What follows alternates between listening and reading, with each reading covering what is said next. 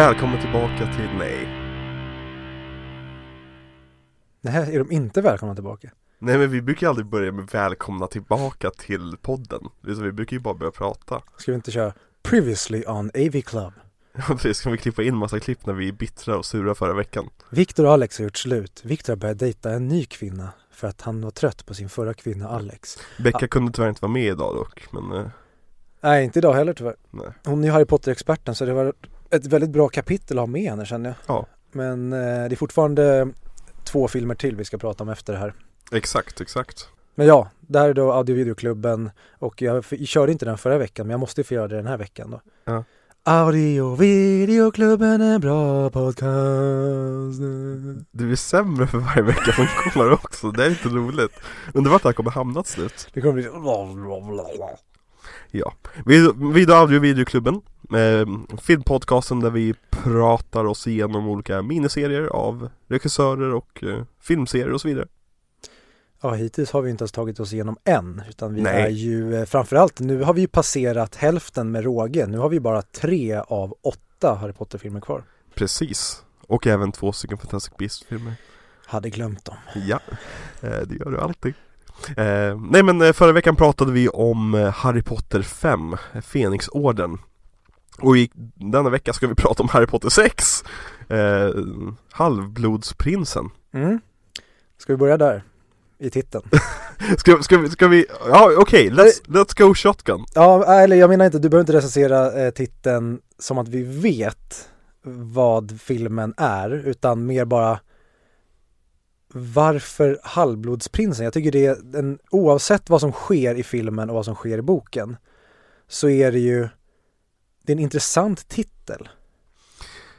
Kontroversiell åsikt, men jag tycker att J.K. Rowling verkligen slarvar med undertitlarna på böckerna från fyran och framåt. Ja, och jag tror jag nämnde det något tidigare avsnitt, men jag, jag kan tycka om när man inte tar eh, det, det som verkligen är viktigast i filmen eller Mm. boken som undertitel, utan att det blir någonting som kanske är viktigast nummer två. För att det första blir det vise sten, det är det viktigaste, Hemligheternas kammare är ju det viktigaste, den skulle kunna heta Tom Dollers dagbok också, Mm. men Hemligheternas kam- kammare är ju mer Det är central. suggestivt. Eh, trean, Fången från Azkaban, det är ju verkligen centralt. Eh, fyran, där blir det väl första gången att det heter The Goblet of Fire. Ja. Den hade lika gärna kunnat heta And the Triwizard Tournament. Ja, eller någonting annat för Goblet of Fire, det är ju en väldigt, väldigt kort sekvens i boken. Ja, och det är väl det kanske då att det är, det är den saken som ruckar eh, på hela narrativet i den. Att Mm. utan Goblet of Fire, ja, då hade inte hade varit med i Triwizard Tournament. Men det är i alla fall inte en, vad säger man, en central undertitel. Och samma sak med Fenixorden, det är ju inte det som är det centrala. Då skulle det i så fall kanske heta och Dumbledores armé. Mm. Eller Profetian. Ehm, Mm. Och den här då, vad skulle den här kanske kunna heta då, om man skulle ta den mer centralt? Harry Potter och de obekväma känslorna man får när man ser en tjej och man vet inte riktigt om man tycker om henne men du tycker om henne jättemycket. Ah, okej. Harry Potter och tonårskärleken. Harry Potter och Dumbledores hand. Dumbledores hand. Det var obehagligt att du kommer in på det. Jag förstår vad du menar men det är obehagligt att du nämner det när vi gör mitt uppe i tonårskärlek. Det var verkligen ingen pun intended utan Ja. jag tänkte bara på okej vad är centralt? Jo men Dumbledores ruttna hand den är ju central men det blev en helt annan Harry. Potter och rumpstru- äh, runkstrumpan. Ja. Okej, jag köper det. Okej. Skulle den kunna heta Harry Potter och Horcruxerna? Om vi hade, alltså nu pratar vi om vi ska ha det centrala. Mm. Harry Potter och minneshållet. Mm. Ja, jo men där har vi någonting. Ändå. Kanske. Men sam, ja, fast samtidigt, fan i, i boken så är ju halvblodsprinsen Central. supercentral för att allting ska unfolda som det gör. Du får jättegärna gå in på det här mer, för det här är den boken jag minns minst.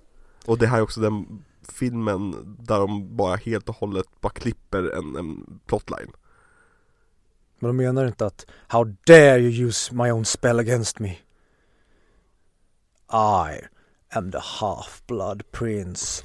No! It's not true! It's impossible! Search your feelings Harry, you know it to be true. No! Join me and together we can rule the galaxy. I'll never join you! Och så hoppade Harry ner i gräset. Ja. Just han var redan på gräset. Eh, vi ska inte prata om Star Wars igen. Varför inte det? För att jag vill inte prata om Star Wars med dig.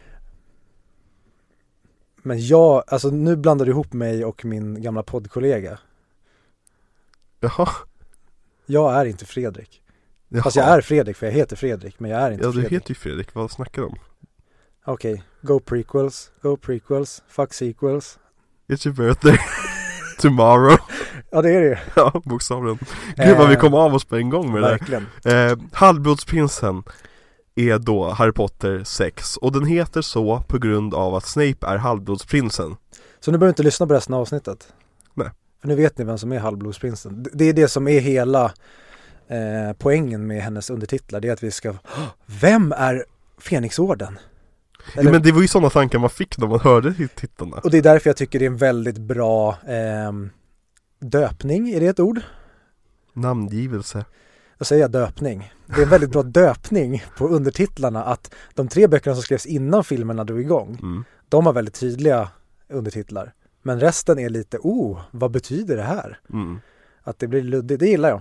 För jag minns att The Deathly Hallows, när jag Mm. bara hörde titeln Att jag var ju, jag trodde ju att de pratade om horocruxerna Ja, det tror jag också att jag trodde. Det var ju som ingen snack om saken, så okej, det var ju en självklar titel Det här Mm. Deathly Hallows, horocruxerna, dödsrelikerna Liksom, Men jag tycker Deathly Hallows är ett så jävla töntigt namn. ja verkligen Alltså horocruxerna tycker jag, där, där är vi tillbaka som vi pratade om i förra veckan det här med att där är eh, Rowlingskt töntigt coolt.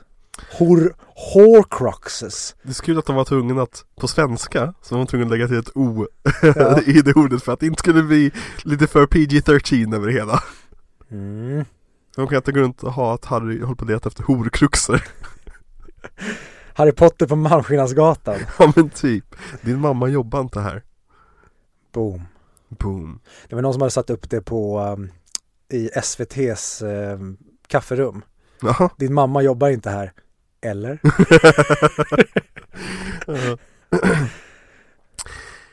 Men ska vi gå rakt in i filmen eller? Eh, varför inte? Men innan vi eh, hoppar in i filmen ska vi säga det här är David Yates andra film Ja, precis och nu är Steve Kloves tillbaka och skriver igen. Mm, okej Eh, Michael Goldenberg verkar inte ha fått fortsatt förtroende. Undrar varför Men samtidigt är det som att så här, okej, du kan inte köra bil. Här, kör den här långtradaren genom Europa. Så bara, Precis men va? Vänta, jag, jag körde en lastbil på 90-talet som blev Contact och den blev kanon. Och sen fick jag liksom köra någon slags limousin med eh, Peter Pan för några år sedan. Ska jag nu köra det här ekipaget med sprängmedel hela vägen ner till Spanien? Ja. Okej, men det kommer nog inte bli bra. Kör bara.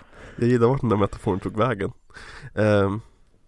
Nej men ja, David Yates eh, gör sin andra film eh, och eh, han blev ju Det är väldigt många som blev erbjuden att göra den här filmen eh, Innan det landade på David Yates Vilket jag förstår Warner Brothers lite grann kanske Stackarn.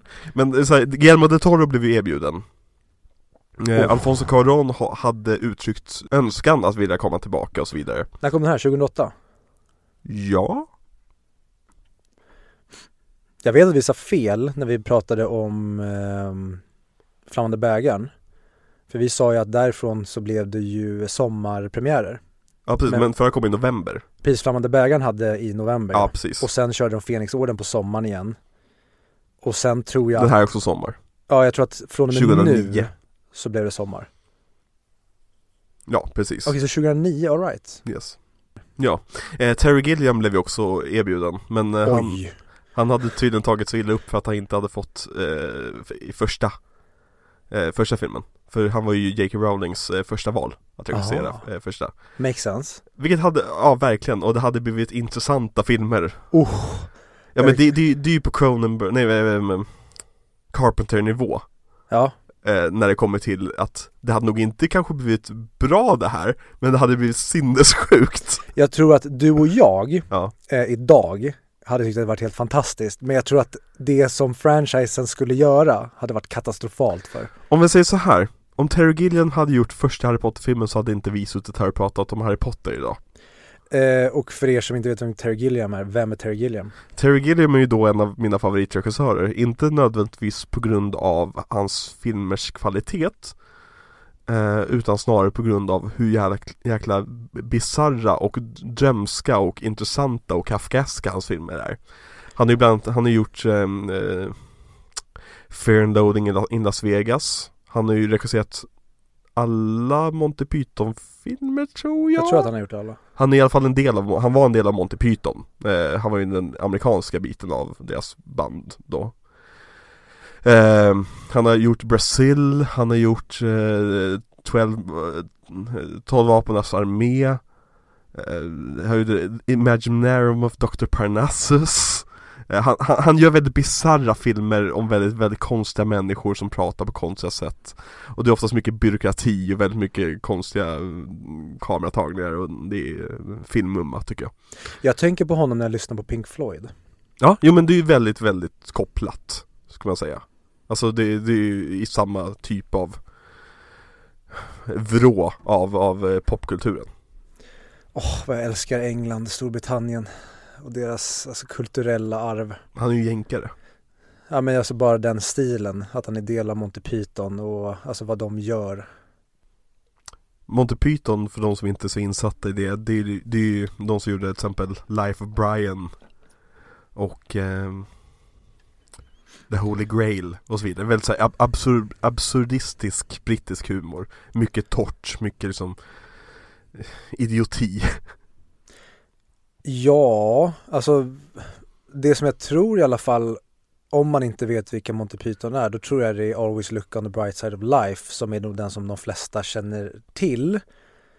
Ja, men jag tycker det är ett sånt dåligt exempel på vad Monty Python håller på med. Det var exakt det jag skulle komma till, att det är inte Monty Python, utan det är, vad ska man säga, ja men det är verkligen som att, nu kanske det är en dålig jämförelse, men till Pink Floyd, att eh, Another Brick in the Wall Part 2 ja. är deras mest kända. Exakt. Men det är kanske inte det som de som kanske lyssnar på Pink Floyd ordentligt förknippar med Pink Floyd. Nej, precis. Exakt. Men det har blivit Det är en väldigt atypisk, ja, atypisk låt, så att säga. Mm. Men nog om Terry Gilliam. Eh, vilka regissör hade du velat se ta sig an någon film i Harry Potter-världen? Jag är inget jättefan av Guillermo del Toro. Men jag hade verkligen kunnat tänka mig, och speciellt den här när det går åt det här hållet som vi ska mm. gå åt. Men Christopher Nolan, nej jag skojar. Oväntat svar. Du vill alltid prata om Nolan. Vi gör så här. Jag tänker sätta upp en regel för den här podcasten. Att vi kommer aldrig prata om Christopher Nolan. Uh, it's been a pleasure. Det var kul att vi kom 5,1 avsnitt. Uh, nej men vem skulle jag verkligen vilja se regissera en Harry Potter-film? Jag tänkte säga, vad fan gillar jag för filmer? Gillar jag ens film? det, var här, det var här jag krossade min egen glasruta och bara Vänta, varför har jag suttit i den här buren? Varför har jag tittat på film? Jag gillar inte ens det här. Eh, jag vet faktiskt inte, har du något bra? Um, alltså Spielberg hade ju varit ett klockrent. Of course, men han har vi redan pratat om. Eh, ja, jag skulle vilja se Denis Villeneuve ge sig på? Nej. Jo, jo. Är någon, någon av de här senare filmerna? Jag vet inte, han har mycket hjärta. Det ska vara intressant att se hur hans liksom extrema rena sci-fi gener gifter sig med det här brittiska jordiga organiska. Jag, jag vill utmana Denis Villeneuve med att regissera Harry Potter 7? Harry Potter 8 och den förgrymmade ungen. Harry Potter 9 och den förgrymmade ungen blir det ju nu.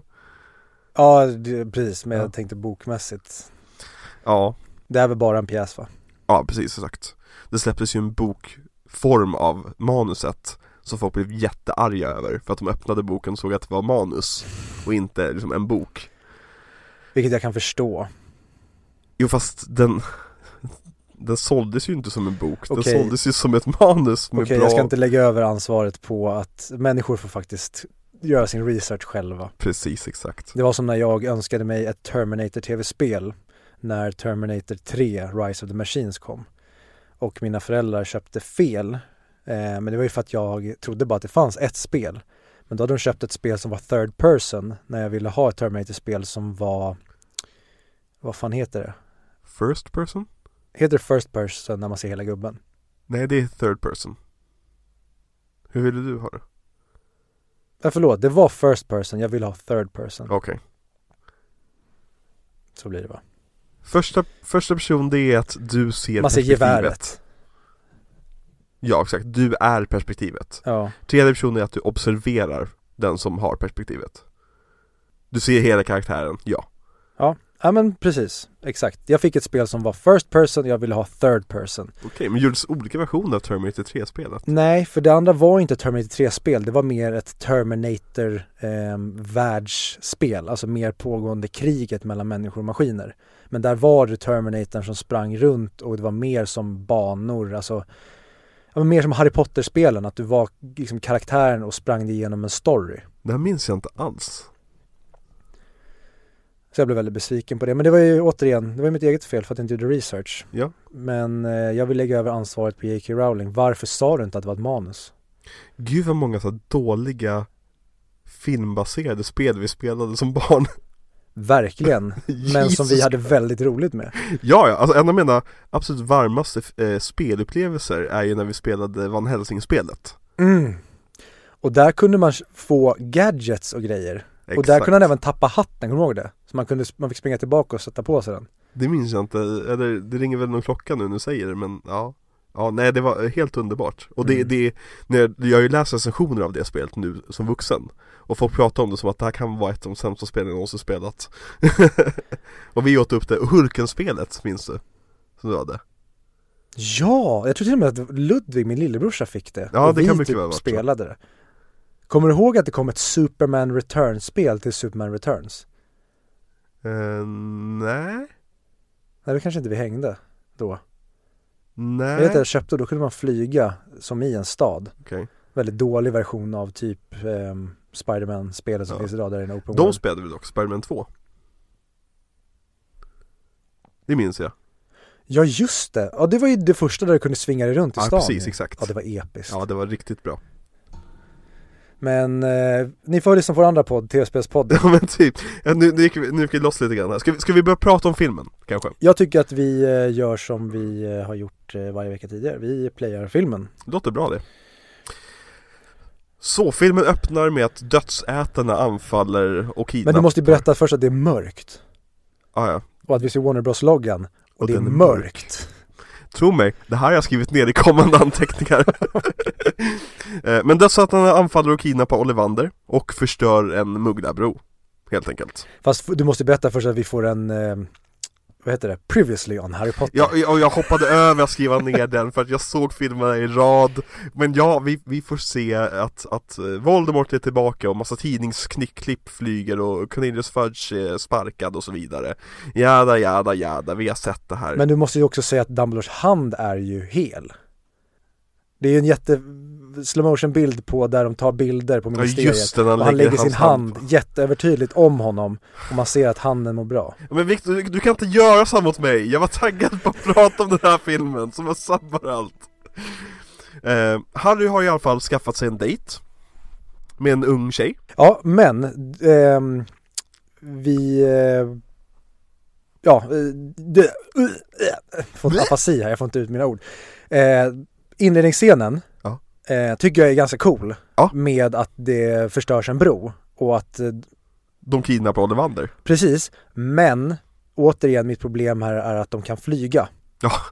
Eh, det, vilket jag tycker så här, "Mm, okej om du gjorde bort det med det här förra filmen, späd inte på det här. Nej. Får de inte kunna flyga hej vilt nu istället att, jaha, nu helt plötsligt så är du typ, för att det finns ändå en begränsning i det i böckerna med att du inte kan flyga överallt. Alltså det finns ändå vissa, varför ska du annars lära dig att uh, deseparate och apparate? Också det här att de flyger in i Diagon Alley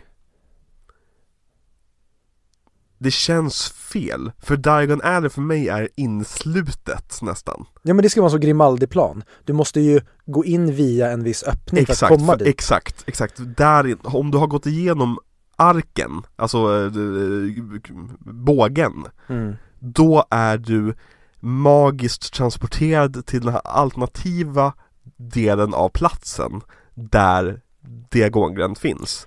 Men om du skulle flyga in, då skulle du hamna på en random bakgata antagligen. I Ja. min tanke. Precis, för att du kan inte, då skulle man ju kunna flyga flygplan över London och se diagongränd. Precis, Och det exakt. ska du inte kunna göra. Alltså det finns ju alltid så här att mugglare inte lägger märke till saker och ting.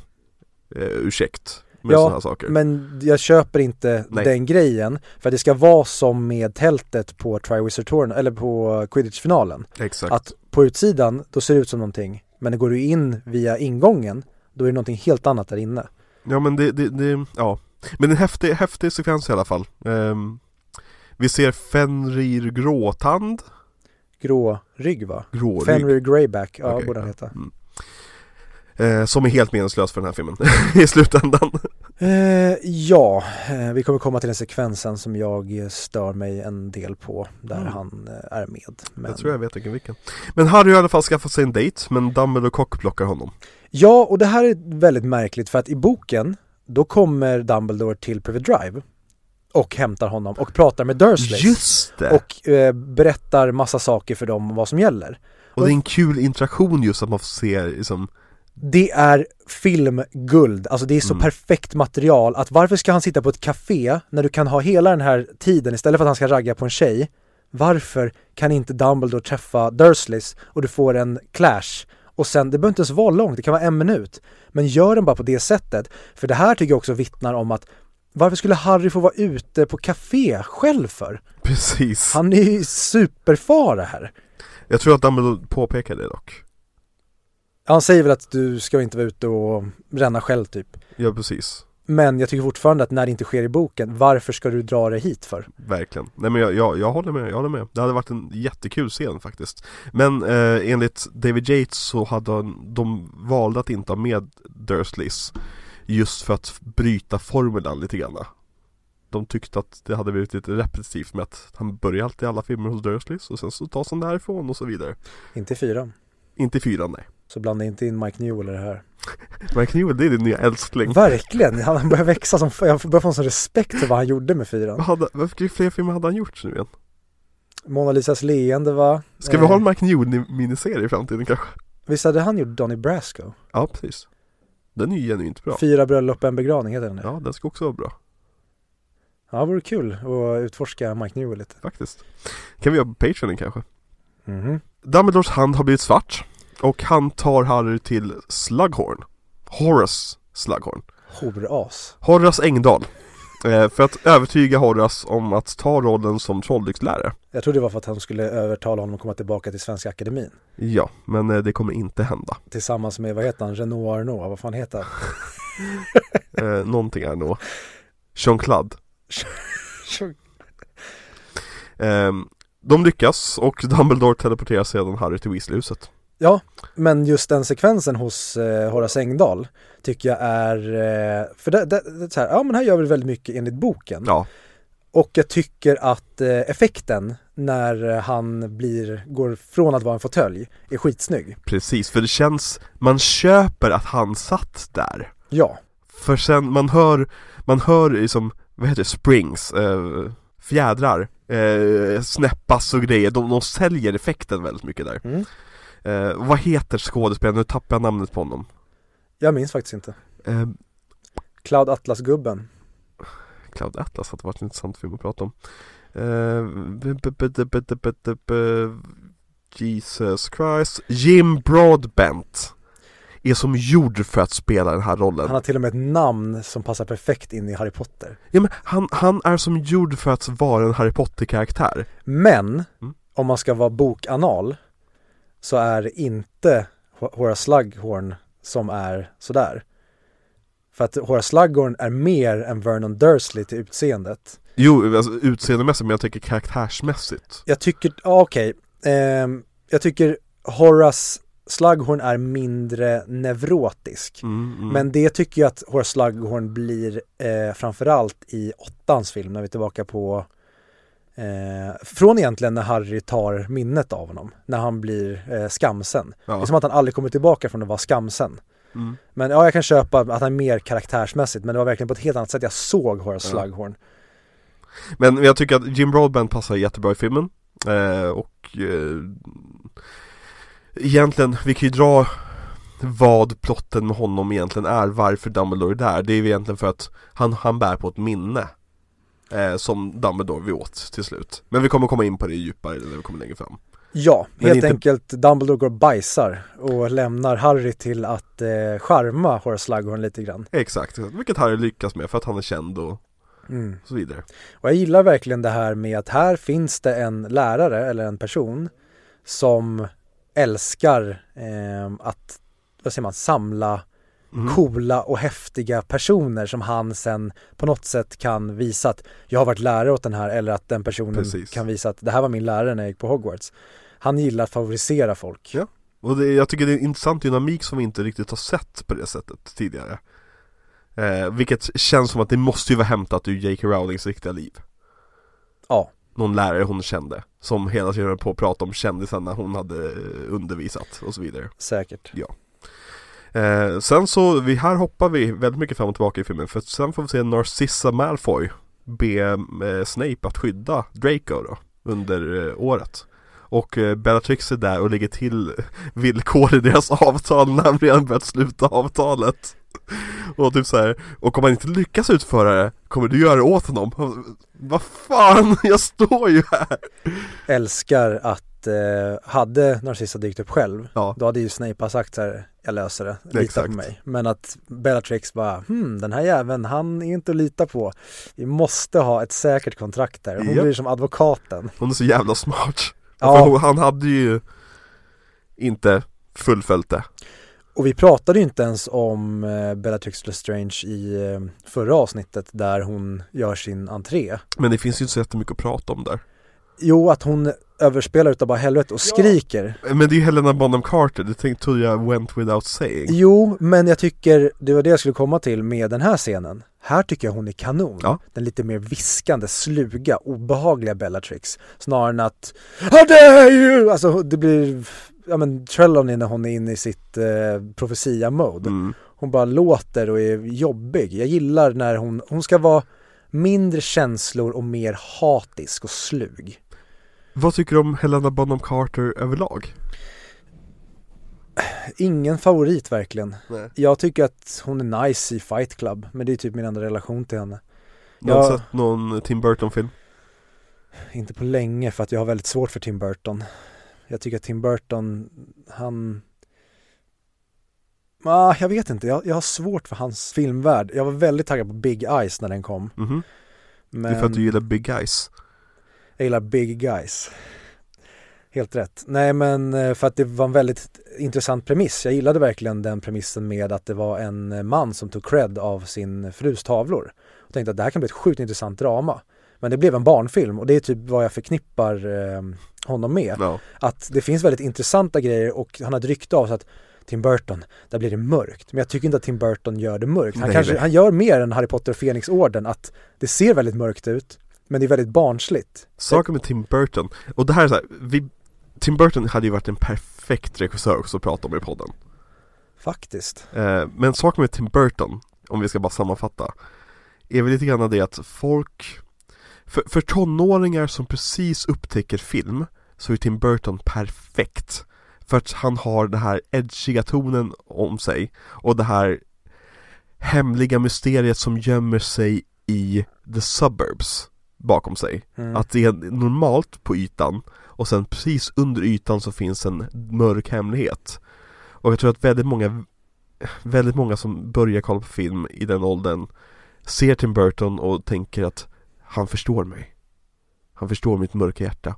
Och sen vill jag också bara lägga till att han har inte regisserat Night Before Christmas eh, Som alla tror. Det, det är en eh, Henry Selick-film Han kom på idén Tim Burton Det är väldigt intressant. För att det är ju hans kändaste film Så att säga Ja. För vad är det annars? Då är det Batman, ehm, Edward Scissorhands, mm.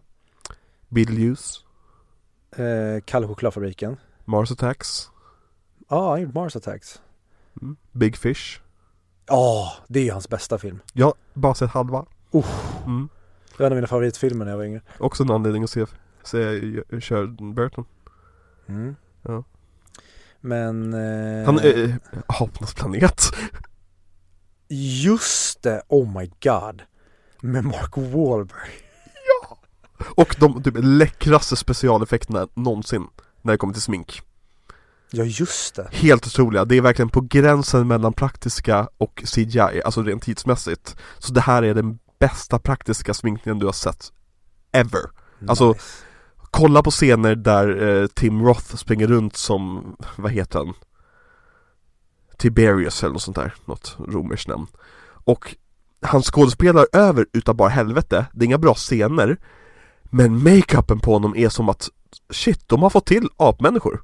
Jaha, de måste ha alltså eh, avlat fram apmänniskor över mm, hundratals år för att få det här att funka. För det är verkligen fotorealistiskt. Nice. Ehm, så det är en sak man kan kolla på Den enda saken man kan kolla på när man säger Planet of the Apes Men Tim Burton, vad kommer, Helena Bonham Carter? Ja, Eh, ingen varm relation till henne. nej, inte jag heller Det var inte där vi Jag tycker att hon är vä- eh, så här, det finns säkert man skulle kunna ra- rabbla upp hur många grejer som hon är briljant i som fan. Mm. Men det jag ser med henne är ofta att jag tycker att hon är den jobbigaste delen. Mm. Så ehm, det gäller även här. Ja. Men jag tycker att hon är väldigt bra i den här Unbreakable Vow-scenen. mm, Definitivt Och jag tycker att hon spelar Narcissa Gör en bra roll Inte som nödvändigtvis Narcissa Utan bara Hon är bra på det hon gör Ja, hon är en galen panna. Hon är väl inte jättegalen Narcissa Ja, för Narcissa, det jag tänkte på Bellatrix. Ja. Eh, Det är kul för att hon som spelar Narcissa Skulle egentligen spela Bellatrix Men var gravid Eh, Så hon eh, kunde inte ta, ta rollen mhm. Ja, jag... Eh, jag vet inte, jag, hon, hon säger inte så mycket men hon gör det hon gör. Mm. Eh, vilket är lite synd eh, för att hon får en väldigt intressant scen sen i den här boken i Diagongränd. När de möter henne och Draco hos Madame Malkin. Mm. När eh, Draco ryggar undan när hon vill mäta hans arm. Och det är så Harry får hennes första misstanke om att han har blivit en Ah. dödsätare för han tänkte att varför ryggar han undan så mycket när hon vill kolla på hans arm. Mm. Eh, och vilket också är så jäkla nice i hela den här boken, vilket jag tycker de eh, missar ganska mycket i filmen, det är ju att alla är väldigt skeptiska till Harrys misstankar om, Harry, eller om eh, Draco och Snape he- genom hela den här. Ja, För att han har gjort bort sig så fatalt i femman. mm. Och sen så visar det sig att han får rätt. Att ingen litar på honom. ja precis exakt Och det tycker jag är en så jäkla grym grej av J.K. Rowling att ha med. Eh, men jag tycker att filmen, den tar inte upp det överhuvudtaget. Knappt eh, Vi kommer till de scenerna, de är uppskrivna eh, Men Harry och Ron och Hermione eh, Ser Draco och hans mamma eh, försvinna ner i Svartvända gränd Och följer efter till affären, vad heter den? Borkins and Bork, Bork Borgen and Burke. Borgens and Bork Borgen and Burke. Jag kommer inte kunna säga det där eh, Och de bestämmer sig då för att spionera på vad som händer där inne Men eh, sen så skiter det sig och de gör det inte typ där Men Weasley Wizard Weezes då? Ska vi inte prata om det? Jo men vi kommer dit Men det är ju innan. Var det innan? Jaha, jag har skrivit det efter Men ja, för exakt de är i, hos, eh, eller hos Fred och George. Precis. Och sen så går de ut och ser när de går in hos Ollivander. Ja, just det, just det, så gör det ja. Och jag tycker det är väldigt roligt att Ron säger, men Det- ser inte Draco och mamma ut som att de är två personer som verkligen inte vill bli ehm, följda? Så står de där utanför Och så klipper de till dem och så ser de exakt ut som två personer som inte vill bli följda. Och Ja. det är så här, men om du säger det, får de inte att se ut som att de inte vill bli det då? Och om du inte säger det, då Mm. kan du ha den scenen. Men antingen får de se helt normala ut, som att de bara Ja. är ute och ska göra ärenden. Alltså välj.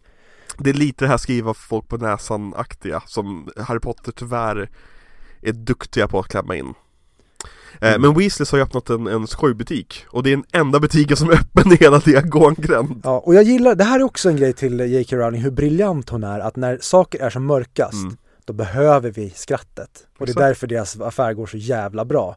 För att vi behöver de här roliga grejerna nu när saker är så jäkla deppiga. Mm. Och där inne säljer de eh, godis som gör dig sjuk så att du kan komma bort från skolan. Och de säljer eh, våldtäktsdrycker och de eh, säljer roliga leksaker och allt möjligt skoj. Mm. Ehm, Och det är där inne de ser, ser Draco och hans mamma smyga ner i Svartvända gränd.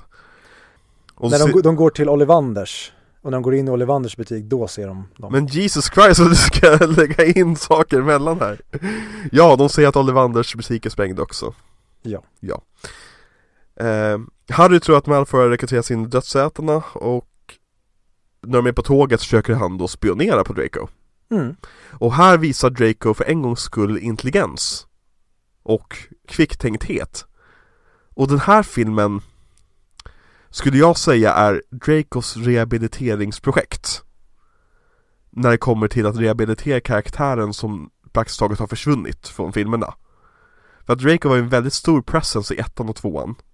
Och sen efter det har dedikerats till att bli en Ja, vad ska Nästan en comic relief liksom Ja. att han, han, han är han vill åt dem så mycket, han blir nästan Team Rocket, att han Ja. halkar på ett bananskal i sitt försök att få tag på dem. Precis, och det är verkligen bananskal också, varför han blir alltid förlöjligad Mm. på olika sätt Men i den här filmen så är Draco, han, han pratar med eh, sin nya kompis Blaze, som är ny till filmen, och även hans flickvän, vad hon nu heter Pa- Pansy Parkinson heter hon.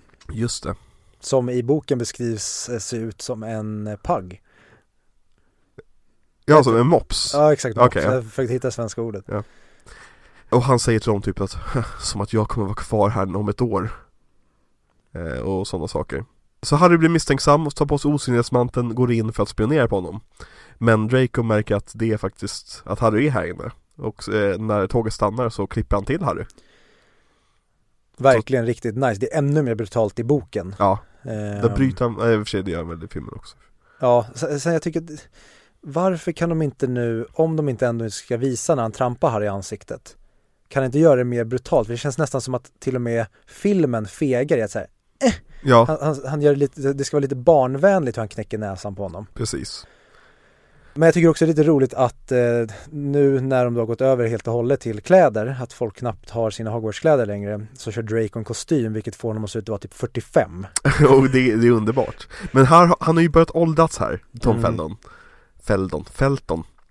Eh, Och han börjar ju, han börjar ju se han, Okej, jag vill inte snacka skit om Tom Felton. Han is a good looking man. Men, men han börjar se märklig ut i ansiktet här.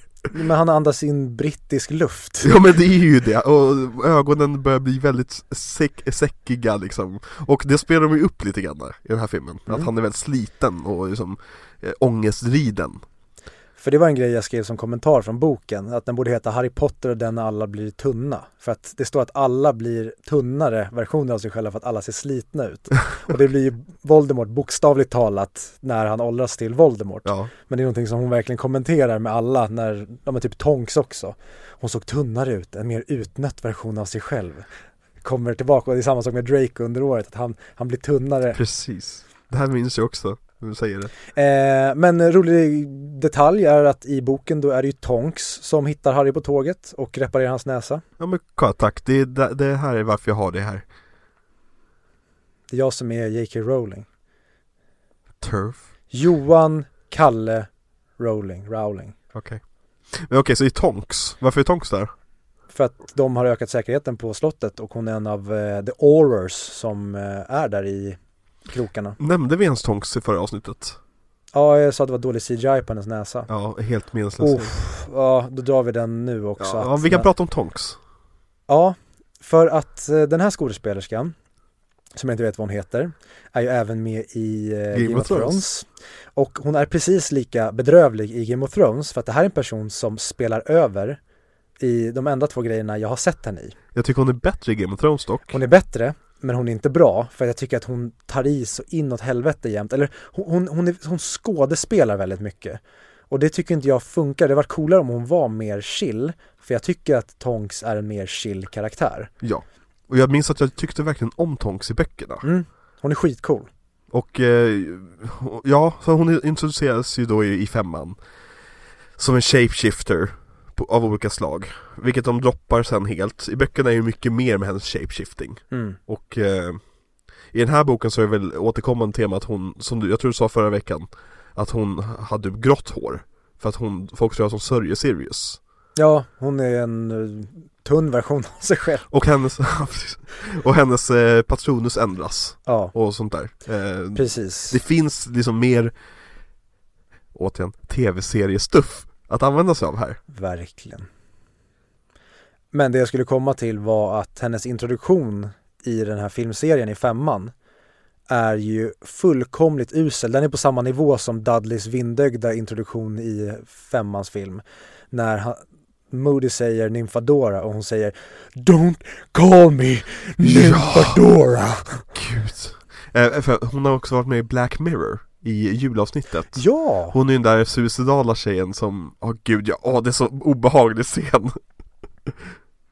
V- vad heter den? White Christmas? Ja precis, exakt. Åh, det är typ det bästa avsnittet ju. Ja, 100% Det och eh, playtesting, ska jag säga. Black Mirror, varför kommer inte mer? För att det gick som det gick med de sist, senaste avsnitten. Ja, som så ingen går tyckte det. om. Nej men vad fan, ingen vill ha någonting där man måste interagera själv, det är därför vi tittar på skit. Alltså jag tyckte, ba- fast Bandersnatch Snatch inte senaste. Är det inte? Det kom ju en till säsong efter det, där alla avsnitt var rätt tråkiga. tråkiga. Jag tycker att Bandersnatch överlag var rätt, en rätt kul grej.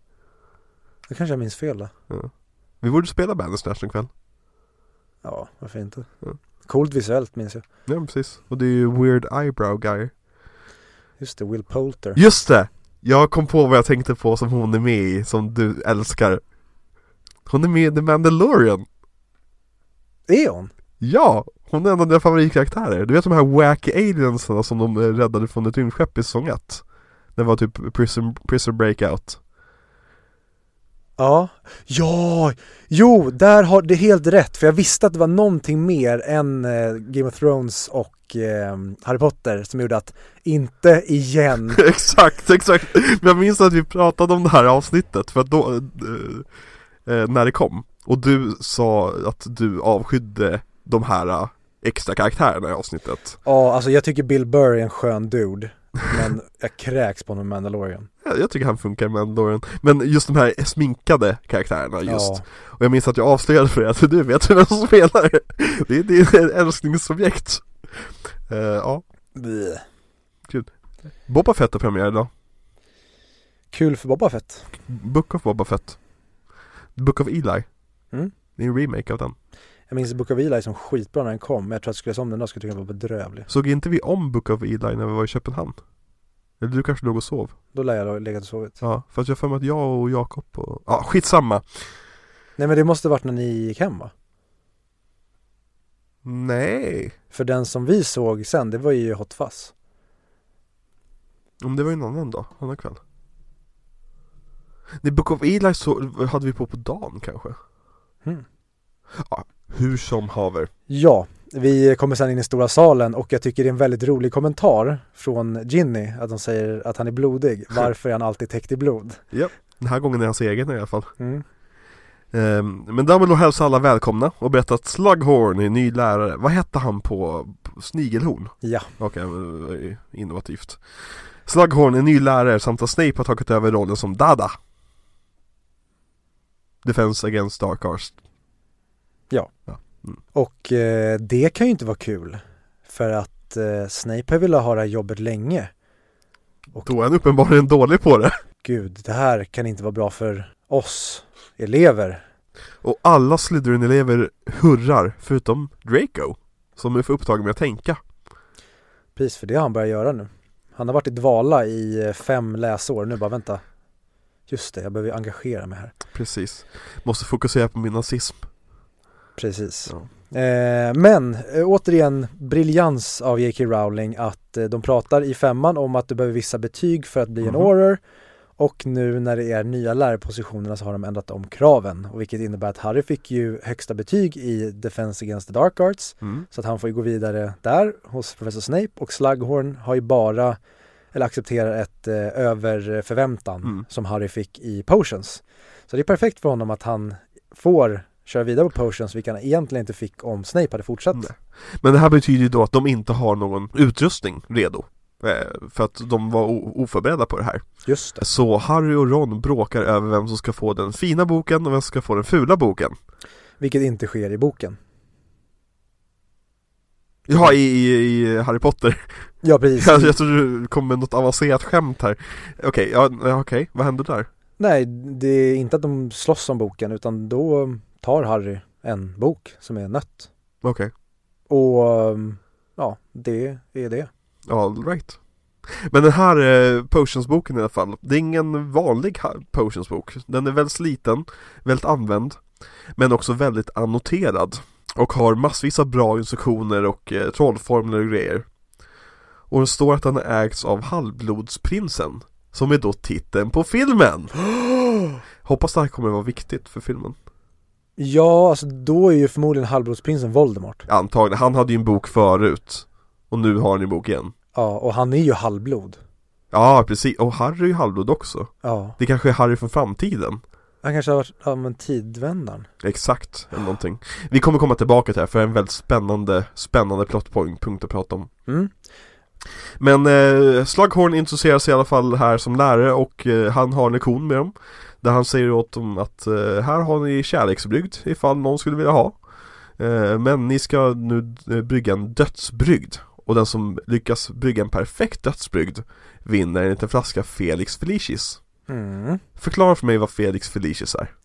Det är doping. Det innebär helt plötsligt att du kan istället för att som inom idrott pumpa dig full med steroider så att du får jättehöga eh, eller får jättebra resultat och kan uppnå otroliga saker genom att eh, pumpa upp dina fysiska förutsättningar. Så har vi nu gjort samma sak fast i trollkarlsvärlden. Att du kan helt plötsligt bli dopad fast med magi som gör att du får allting du vill ha när du har den här drycken i dig.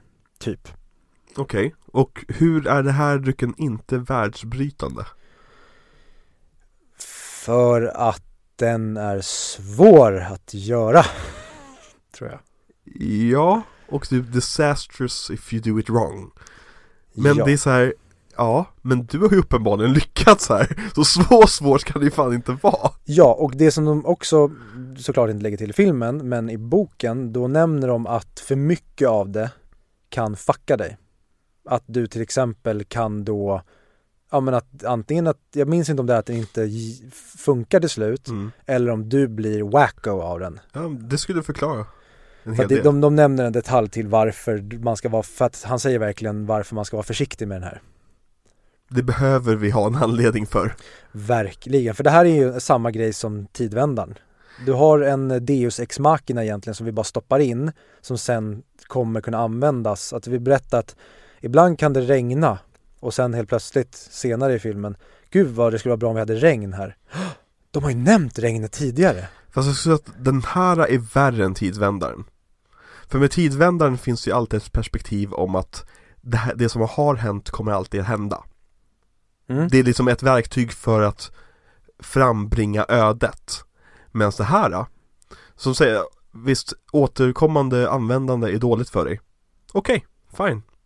Men tio aurorer som dricker en flaska var och sen åker hem till Voldemort. Så är konflikten löst. Det är någonting de behöver göra en gång. Ja, För att vinna mot Satan själv.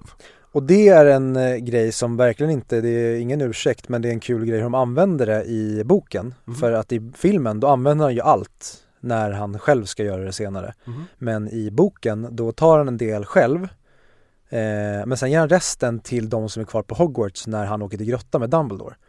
Och då säger de det att hade inte vi tagit Felix Ah. då hade vi förmodligen blivit slaktade av eh, dödsätarna när de kommer. Precis.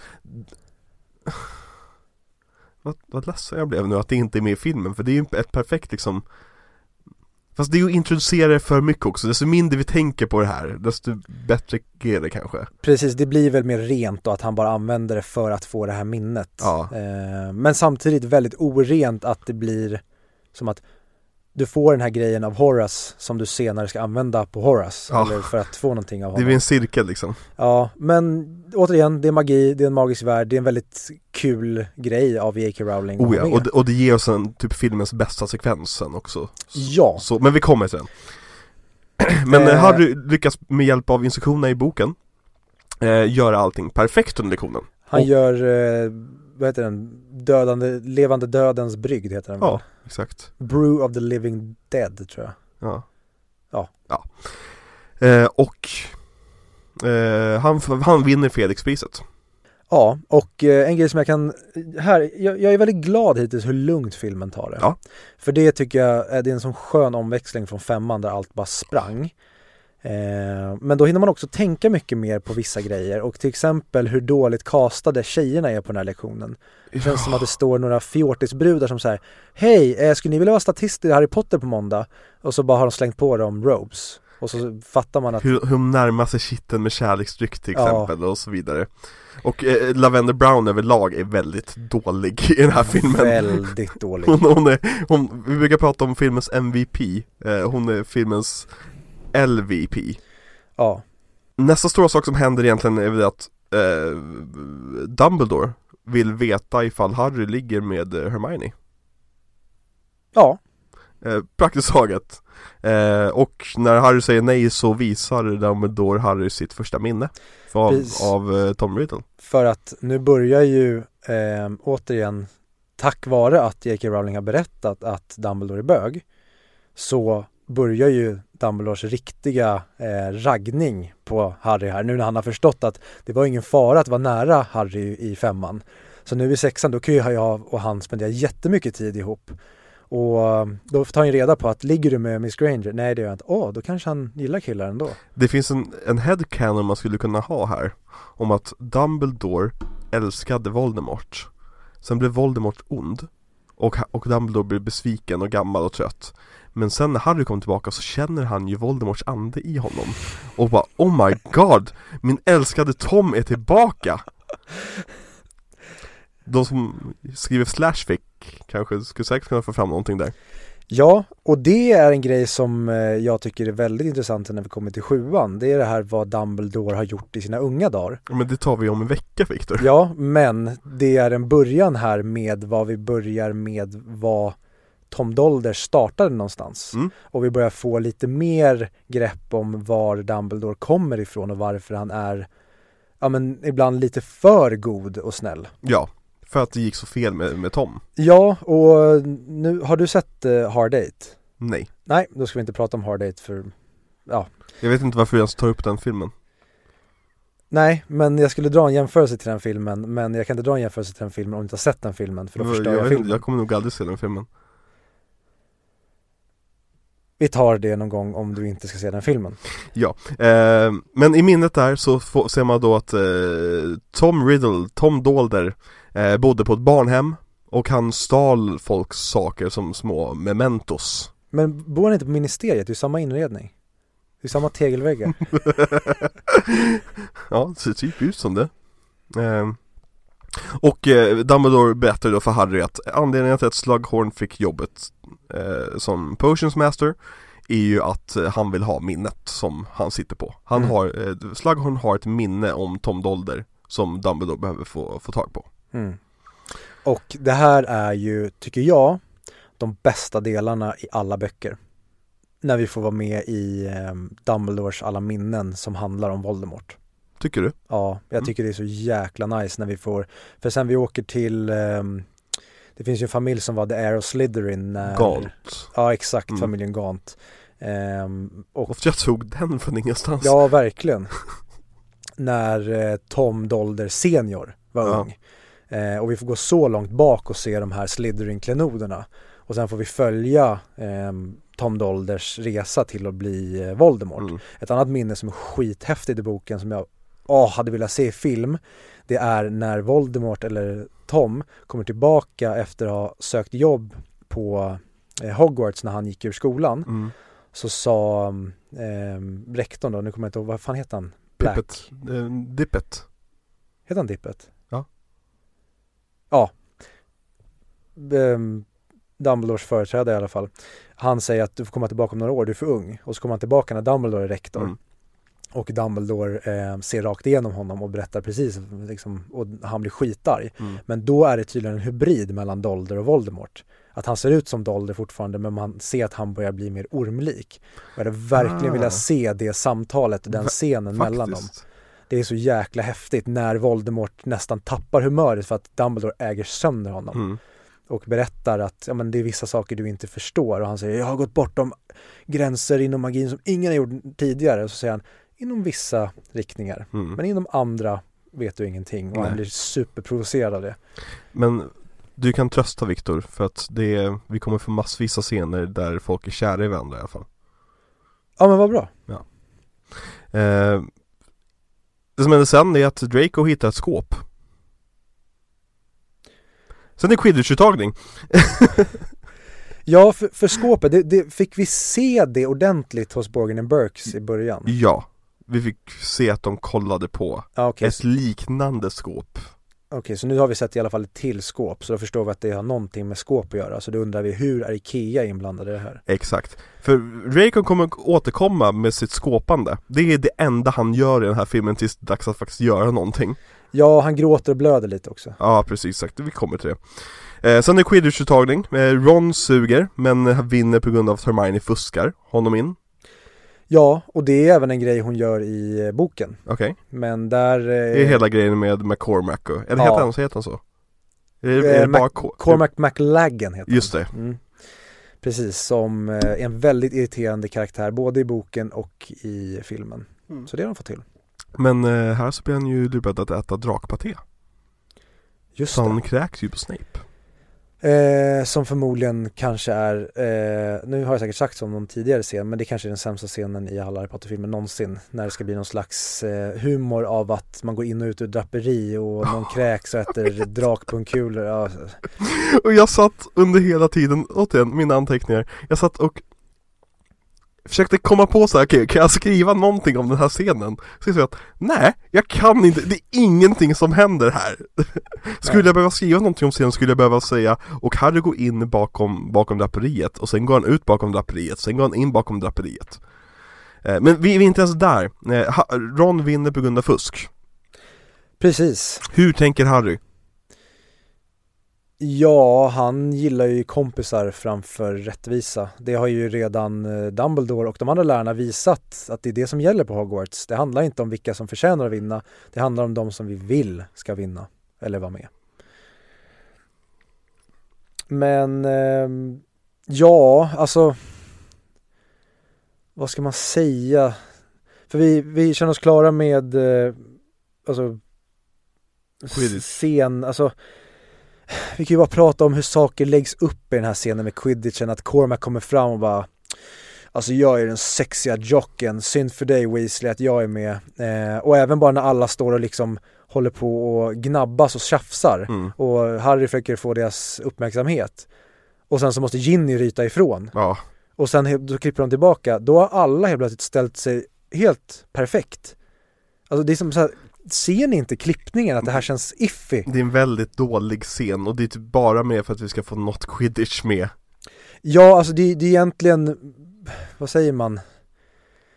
Det fyller ju en funktion i med alltså Felix Felicis och dens funktion. Att sen så ska Ron vara så nervös när det är dags för match, att han ska lura i honom eh, Felix. Och vi utvecklar också Ginny och Harry-relationen Tror filmskaparna Säkert Och vi utvecklar också så här kärleksgnabbet med Ron och Hermione Ja, och det visar att eh, Hermione vill hjälpa Ron eh, och egentligen inte tycker om han Cormac McLaggen. Ja, Men som hon sen väljer att gå på den här julfesten med. ja eh, Mycket jada jada jada helt enkelt eh, Nästa egentligen stora sak som händer i filmen Om, om vi ska hoppa över lite, lite bullshit emellan och så vidare Mycket kärleksknabb Är att eh, Ungarna har varit i Hogsmeade för att eh, försöka charma Slughorn en tillgång Och på vägen från Hogsmeade så ser de, eh, vad är det, Katie va? Heter hon? Katie Bell, Ja precis, Katie Bell som är en jättestor karaktär i böckerna, eller jättestor men en karaktär i böckerna Och här så visste jag knappt att det var Katie när det hände eh, ja det är också en, verkligen en grej som missas i eh, filmerna. Det är hur, hur det, de, de har ändå många polare, det är ett stort gäng. Alltså Mm. de umgås inte dag till dag. nej. Men de har många som de snackar med. Alltså Harry har många polare genom quidditch-laget, till exempel Katie Bell och Angelina Johnson och de tidigare. Mm. Men här är det verkligen bara de och typ Luna och Neville och Ginny. Och sen så, ja som du säger, Katie Bell dyker upp men Och Seamus ibland ja, alltså knappt. Ja, Dean Thomas står med i bakgrunden ibland och säger någon kommentar. but Harry, I didn't know you could do that Ja. Men hon ser i alla fall Katie sväva i luften och väsa Ja, som hade kunnat bli en episk och jätteobehaglig scen Mm. om inte hon var super CGI-ad. För att hade de bara lyft, alltså tänk om de bara använt eh, linor och kranar och Mm. lyft upp henne och hon bara gapar och låter så är det jätteobehagligt. Mm. Men nej, vi ska ju ha CGI med såklart. Ehm, och det visade sig att hon hade då burit på ett halsband Som eh, trion tar upp till McGonagall Och Mm. McGonagall säger att det är jävligt bra att ni tog den till mig här Ja, och den har tydligen bara nuddat en liten, liten eh, del av hennes hud för att hade hon tagit i halsbandet hade hon tydligen dött direkt, får vi Mm. reda på sen. Eh, kul grej för övrigt är att vi får reda på i slutet att eh, Madame Rosmerta, det är hon som har varit under The Imperious Curse, det är hon som ger halsbandet. Ja, fast i filmen ser vi Draco där nere Precis, vilket Och Sketchy as fuck ja, precis, så att filmen blir onödigt övertydlig istället för att bara det sker. Eller att liksom man ser Katie gå in eller ut från toaletten.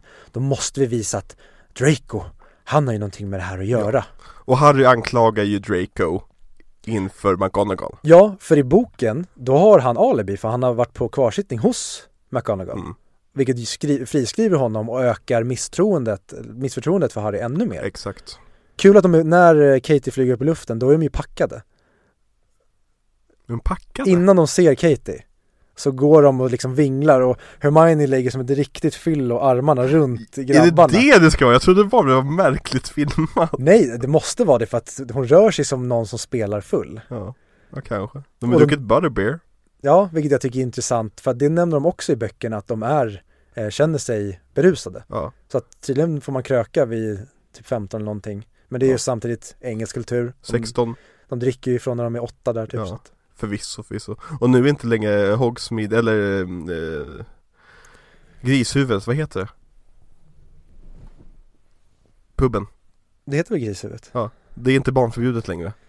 Nej. För nu, nu är det en ny regissör som ska Ja. tolka det. Eh, nästa scen har jag bara skrivit Harry och Ron pratar om Ginnys hud. Eh, jag minns inte vilken scen det är. Jo, de ligger vakna på natten och Ron pratar om Dean Thomas. Mm. Om att han såg han och Ginny hångla, eller som de säger, mitt favoritord i den här filmen, snogging. Mm.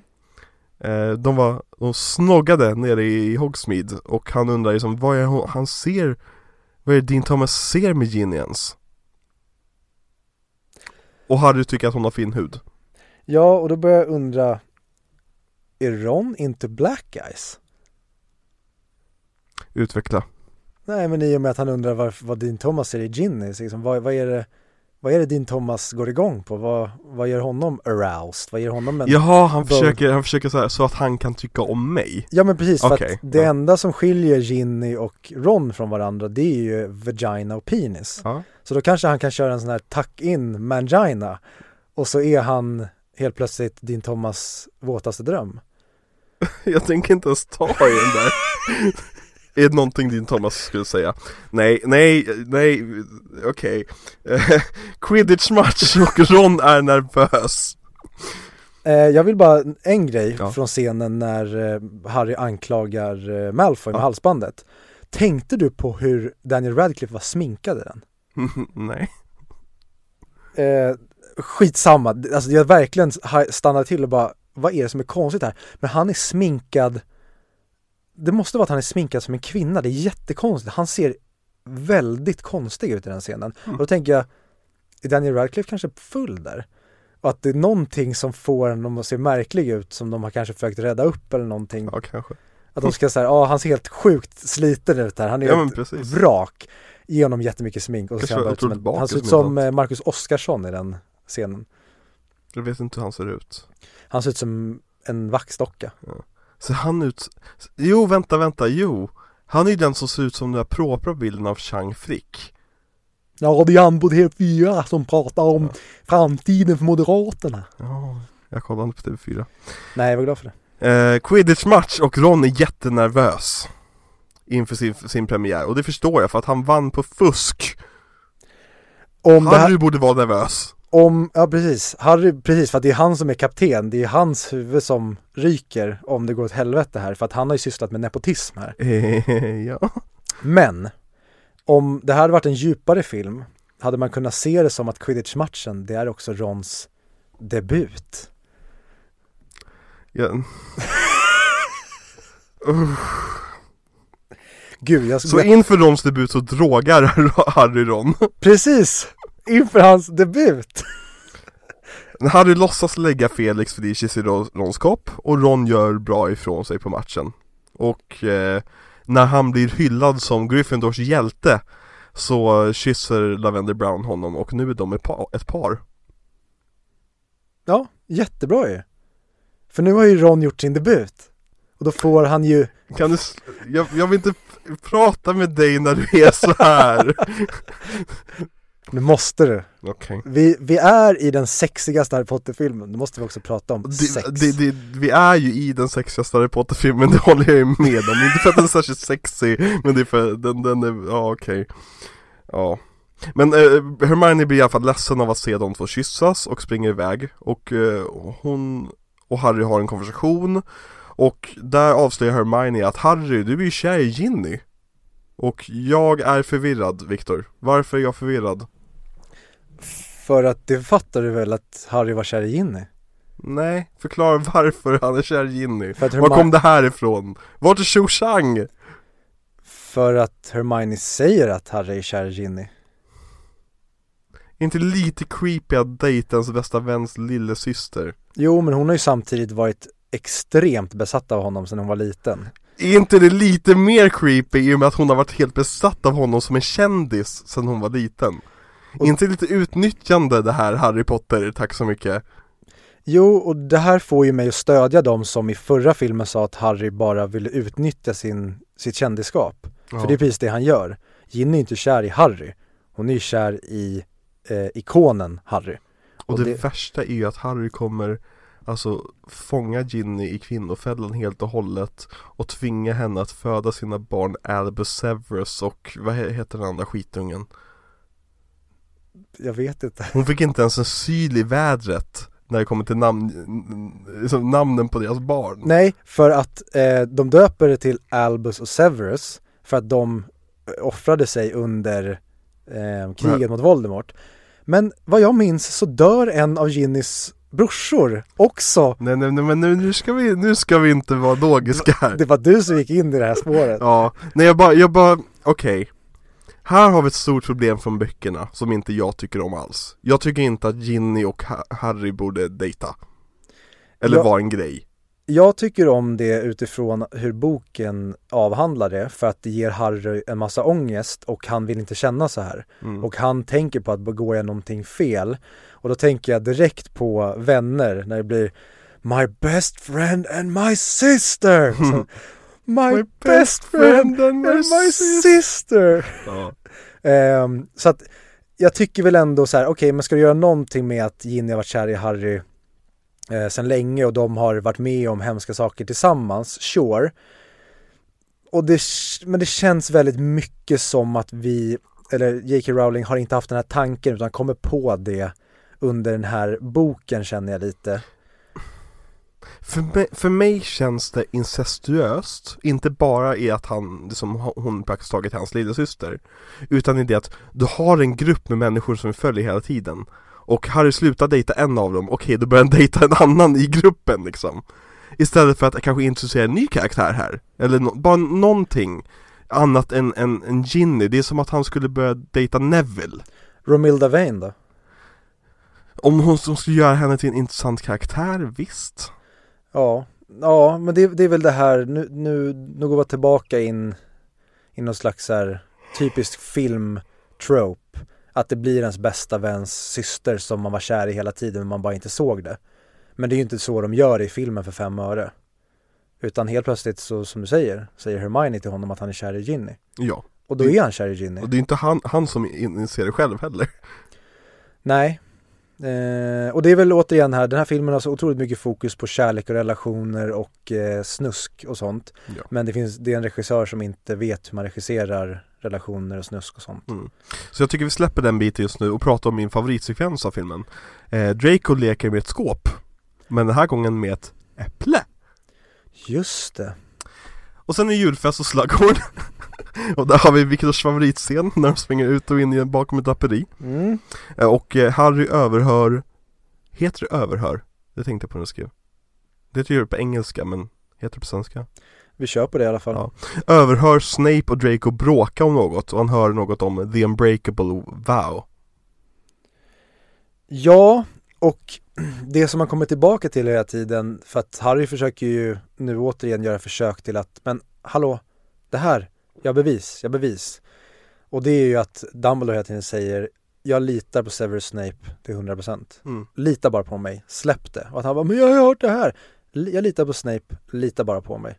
Och här får vi tillbaka till Harrys ivrighet, men i det här, i den här fasen så har ju Harry rätt. Och i, med den här boken och den här filmen med facit i hand så har ju Harry rätt. Fast har han rätt? Är inte det här bara en del av Dumbledores plan? Ja men det är det jag menar, men med den här boken när vi bara har läst klart och sett klart Ja. sexan, då har ju Harry rätt. Ja då okej, har okej han, du menar så, okej då har ju han Mm. redeemat sig själv att så här, varför lyssnade ni inte på mig? Men med kontexten från sjuan så inser vi att han försökte egentligen sabotera en rätt smart plan av Exakt. att hålla staven borta från Voldemort Precis, så att det som ehm, vi får reda på här mm. är ju att varför lyssnar ingen på Harry för? Men som du säger, sen när vi får reda på Albus Dumbledores stora plan då håller ju Harry på och sabba och lägger näsan i blöt som vanligt där han inte ska lägga näsan i blöt. Dumbledore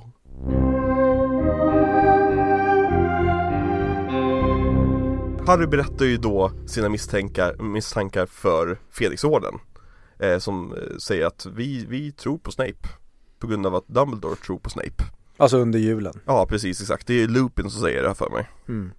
Och jag tycker Lupin överlag saknas från filmerna väldigt mycket Ja, alltså efter trean får han väldigt lite att göra. Ja, verkligen jag, det, det tycker jag typ med alla som inte är jag tycker samma sak med Snape, alltså de, de får väldigt lite screen time, men det är för att det är så jäkla många karaktärer också. ja.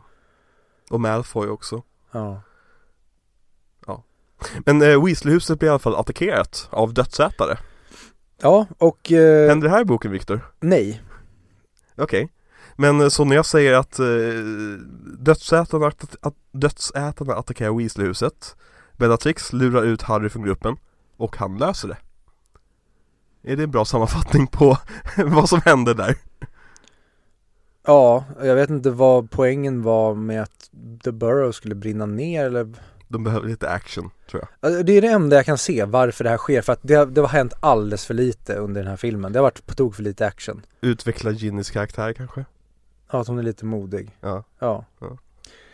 För alltså, jag kan minnas fel, men jag, jag tänkte verkligen på det här när det var julsekvensen i boken. Mhm. Och nu kan jag vara helt dement, men jag, nej, det, det här händer inte. Det här är en helt påhittad grej i filmen.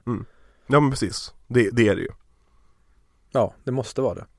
Och det är Och- kul att de tar action, lite extra action här Men klipper bort action på sluten Slutet För det kommer jag komma till. Ja. Eh, och det är ju, deras svar skulle vara att vi behöver portionera ut action. Vi kan inte ha allting bang boom i slutet utan Och också att de inte vill upprepa sig För samma sak hände ju sen i sjuan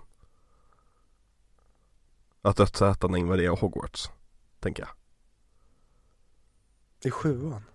I slutet på sjuan är en gigantisk äh, Åttan då, om man säger så Ja men jag tänker, vad, när sker det nu? I slutet på sexan, Ja. i boken Ja. Så invaderar ju dödsätarna Hogwarts Mm. Och det är stor jävla äh, strid Ja, det är en grej jag kommer komma till. Där Bill är med och så vidare Precis. Och anledningen för att de inte tog med det i den här filmen Är på grund av att de upprepar sig och de gör samma sak i sjuan sen Mm. För det är exakt samma sak Så jag tror att de tog bitar av den action och la den här istället Ja. Ja. fuck, fuck you all. Alltså jag tyckte jättemycket om den här filmen eh, när jag såg om den nu. Men Mm. när vi tittar igenom den så här nu mm. så börjar jag, eh, men det är jag kanske är på ett sånt humör idag att jag är på ett eh, grinigt humör. Ja, Men eh, det var inte så jäkla bra beslutat när det finns så mycket att ta nej och mycket att lägga tid på. exakt Om du ändå behöver action så är det som det finns mer att göra Eller ge oss fler minnen. Ja Vilket leder oss till nästa scen Där eh, Harry och eh, Dumbledore fortsätter kolla på minnen Först får vi se en korridor där eh, Ron och Lavendel, eh, Blomman, eh, snoggar varann och det sitter folk och hånglar överallt i hela korridoren och Hermione säger jag måste gå och spy. Och så vänder hon sig om och går. Ja Eh, och sen får vi se ett nytt minne. Så att scenen innan fyllde vad för funktion? Ingen alls. Jo, för att visa att Hermione är lite kär i Ron, ifall vi nu inte har förstått det. Kunde vi man inte i så fall det. visa en scen med Harry och Ginny i så fall som får oss att förstå att Harry kanske är lite kär i Ginny? Nej, ingen karaktärsutveckling för Ginny. Eh, I och för sig, vi fick ju se en sexig scen mellan dem i The. Ja, ja, När nej, hon kommer i morgonrock och ska knyta hans skor. Vilket det första jag tänkte var bara Are you going this direction? Och hon knäppte upp hans byxor och sen så BOOM! Av de blev avbrutna. Ja. Jag borde, jag borde verkligen regissera Harry Potter och Halvståndsprinsen. Harry fortsätter kolla på minnen med Dumbledore. Och tillsammans ser de ett minne där eh, eh, Riddle då frågar Slughorn om något förbjudet. Och Slughorn avvisar honom. Mm, har inte Slughorn åldrats väldigt bra på 50 år? Verkligen. Jesus Christ, nu du säger det, ja Eh, men eh, väldigt cred till Dolder-skådespelarna. Jag tycker Ja, både barnet och den här är kanon. Inte barnet, alltså barnet barnet, inte han släkting med Ray Fiennes? Han heter ju Hero Fiennes Jaha. Ja, Ja. kanske. Men eh, Dumbledore informerar Harry om att minnet är manipulerat Och att Harry måste hitta or- originalet Och det är väl egentligen Det tog jävligt lång tid för honom att komma till den här poängen Men det är egentligen hela anledningen till varför Slughorn är här Ja. Det är återigen en eh, väldigt eh, omständig plan. Ja, Men eh, man älskar det och man älskar det så jäkla mycket i boken. För boken är verkligen en härlig eh, Alltså den, den har inte så jäkla mycket substans den här boken i jämförelse med framförallt de tidigare.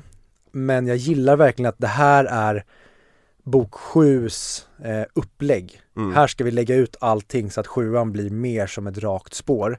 precis Vilket hon sen bailar ut lite på för att hon presenterar ännu nya saker i sjuan, vilket hon måste för att det är en ny grej, men jag tycker verkligen om vad den här gör för framförallt horokruxerna, Voldemort, Dumbledore, Harry och Mm. var, vart vi är på väg i sjuan. Det här är en väldigt bra lugnet för stormen-film Mm. Vilket gör mig lite För när jag tänker på strukturen över hela filmserien Så är det lite mycket lugnet för stormen Och kanske lite mycket Året där det inte händer någonting jättemycket men Där det, ja, nej jag vet inte Det, det börjar bli lite samey här Tycker jag eh, Ja, för det hade inte funkat om det skulle komma, om det var åtta år på Hogwarts eh, och det skulle komma åtta böcker. Nej. Då hade det verkligen varit så här, vänta nu, nu måste vi ta oss någonstans här. mm, Men jag tycker verkligen att det är klockrent hur fyran avslutas, vad femman gör för eh, liksom trollkarlsvärlden och Voldemorts eh, maktförflyttning. mm. Och jag gillar verkligen vad som händer i den här, att nu är det, det här är ju våran Empire. Det är här vi ska gå rakt ner i skiten, allt ska kännas som att Dumbledore, du gjorde bort dig. Harry försöker fråga eh, Slughorn om samma sak som eh, Riddle frågade Men blir avvisad då Och han gör det rätt snyggt att han använder exakt samma ordval som Riddle Mm. eh, Och eh, Slughorn blir uppenbarligen uppskrämd Och liksom avvisar Harry så nej nej gå, gå din väg Och sen får vi se ett konstigt klipp till att han, han frågar honom en gång till Han stänger dörren i ansiktet på honom Och sen direkt efter det så är Ron förgiftad av kärleks, väldigt, väldigt stark kärleksdryck Som var menad för Harry Av, vad heter- hon? Romilda Vane. Exakt eh, Så Harry tar Ron till Slughorn för att få hjälp med att eh, bota honom. Och eh, Slughorn hjälper Ron Men när de eh, Vad ska man säga, firar att, att det löser sig Så faller Ron då ihop i konvulsioner Och börjar tugga fradga Och eh, där dör Ron Chockat nog. Ja, det var ändå ett värdigt slut för han har ändå fått vara med i quidditch-laget och haft en flickvän. Så att Ja, det, precis. ja, men fan, det är ändå ett bra avslut på den karaktären tycker jag. Verkligen Nej, eh, Harry räddar ju Ron Genom att trycka en besoar i munnen på honom Ja, och det här tycker jag att, här känns det som att Harry bara drar någonting i röven och stoppar in någonting i munnen på Ron som lyckas, ja, ha- han har tur. mm. Men i boken, då använder han en besoar i en tidigare lektion med hjälp av halvblodsprinsen. Precis Så att han vet att de ligger i skåpet så att han sen kan tänka snabbt och rädda Rons liv. Och det även kopplas ihop till att han, när han behöver en besoar på lektionen, mm. då tänker han på när Snape tillrättavisade honom under I första, första, året. mm. Precis. Så att det finns en mycket mer vad säger man, det känns mycket mer inne i plotten om de Det bara hade kunnat lägga till en lektion till där han använder en besvar. Exakt. Så hade vi kunnat få, för nu känns det verkligen som att han bara, ja vi kollar i skåpet, oj vi hade en Ipren, vilken tur att han hade ont i huvudet då. Mm. Men eh, Ron vaknar till liv och eh, det visar sig att han blev förgiftad av whiskyn då eh, Nej, nej, Jo. mjöd eller? Ja, drickan. Ja. eh, Som egentligen var ämnad för Dumbledore dun, dun, dun. Har J.K. Rowling sett The Dark Knight? Men jag undrar lite grann om Ja, ja det är det eh, Jag undrar lite grann om Dracos plan här Han har ju sin plan med skåpet va? Som vi ser honom bygga på genom hela året Ja. Men sen försöker han sig på, på de andra sådär småhafsiga planerna Det är för att han tror att han inte kommer lösa skåpet. Okej, Så att, och som Dumbledore säger sen att det känns inte som att du ens försökte. mm. Och det är väl lite det som jag tycker, det får man, det känns det ännu mer som i boken, speciellt när det sen blir en fight mellan Harry och Draco. Mm. Eh, och att man får, någon hör att det är någon som gråter inne i Room of Requirement. Ja. Att det blir ännu mer att Draco vill inte det här. Han Nej. är verkligen bara tvingad till det. Eh, jag får inte samma känsla i filmen. Nej, Det känns mer som att han vill göra det här. Eh, men inte kan förmå sig Ja precis, att han Mm. bara suger. För det tycker jag också är en, nej vi kommer Ja, till vi, det vi nästa. kommer till Mm. det eh, För i nästa scen så leker Draco med sitt skåp igen Och en fågel eh, Och nu så verkar det vara lite progress för fågeln kommer inte tillbaka När han stänger skåpet Eller gör den det? Ja men du, glöm, du har glömt den viktigaste grejen, det är ju att Ron och Lavender Brown gör slut. För att Ja, han säger det. Hermiones namn när han ligger och eh, är feberdrömsk. Ja, just det. Och så har vi hela den biten ja Men det, du, må, du glömmer ju det viktiga i den här filmen, det är ju kärleksplotten. Den borde heta Harry Potter and the Half Loving Prince. Harry Potter och vinballen Mm. Mm. Eh, Men Katie har blivit bättre Och Harry frågar ju henne om hon minns något av anfallet som hon fick eh, Och samtidigt så ser Malfoys eh, eh, Malfoy ser de två prata Och ser väldigt misstänksam ut och eh, springer därifrån praktiskt taget Ja, det är återigen en sån här scen där ingenting kan lämnas ehm, till att förstå själv. Nej, Utan allting ska överförklaras. ja Och jag tycker det är kul att när Malfoy drar Mm. Och sen beger sig vidare, då beger han, alltså han beter sig som att det är ingen som följer efter honom. Ja. Men hans reaktion i stora hallen är ju som att Harry ser mig, han Ja. kommer jaga mig, nu drar jag. Exakt, det är, som att det är två scener som klipptes ihop där För att det nästa vi ser är då att Malfoy har flytt till en toa där han står och gråter eh, Och Harry kommer in och anklagar honom för att ligga bakom alltihopa eh, Och de börjar slåss och an- Harry använder en trollformel från sin trolldrycksbok Mm. eh, Sectus, Sectum Sempra är det väl Mm. eh, Där stod Four Enemies Ja, och i, ehm, i boken då, i och med att Harry har tjuvkikat i Snapes minneshåll Mm. så har han sett när hans pappa använde Levikorpes på honom. mm. Och det är även en, en trollformel som står i Halvblodsprinsens bok. Så att Harry har ju teorier om att Halvblodsprinsen är hans pappa. Ah. Eh, men hans pappa är ju inte halvblod. Jag har för mig att det är så. Men det är ju inte Snape heller Jo, Nej Snape är inte halvblod jo. Nej, han är ju halvblodsprinsen för att hans mamma hette ju Prince, så han är halvt prins. Nej. Både Snape och Voldemort är halvblod. För jag vet att de pratar om i boken. Det kanske är att han också är halvblod, men det är därför han har, tog namnet. Ja men hans mamma heter Prince, Ja. absolut, men jag vet att han är halvblod. Ehm, och att det nämns att Voldemort bara hatar, ehm, Mugglarfödda. ja precis, att det är okej med, men helst ska man vara Ja. helblod. Lite som Hitler alltså. Ja, Men vi kommer tillbaka till halvblodsprinsen och den otroligt spännande upplösningen på vad det namnet betyder. Ehm, för den här trollformen, Sectum Sempra, gör så att Draco börjar bl- blöda ymnigt. Den typ sliter upp hans kropp.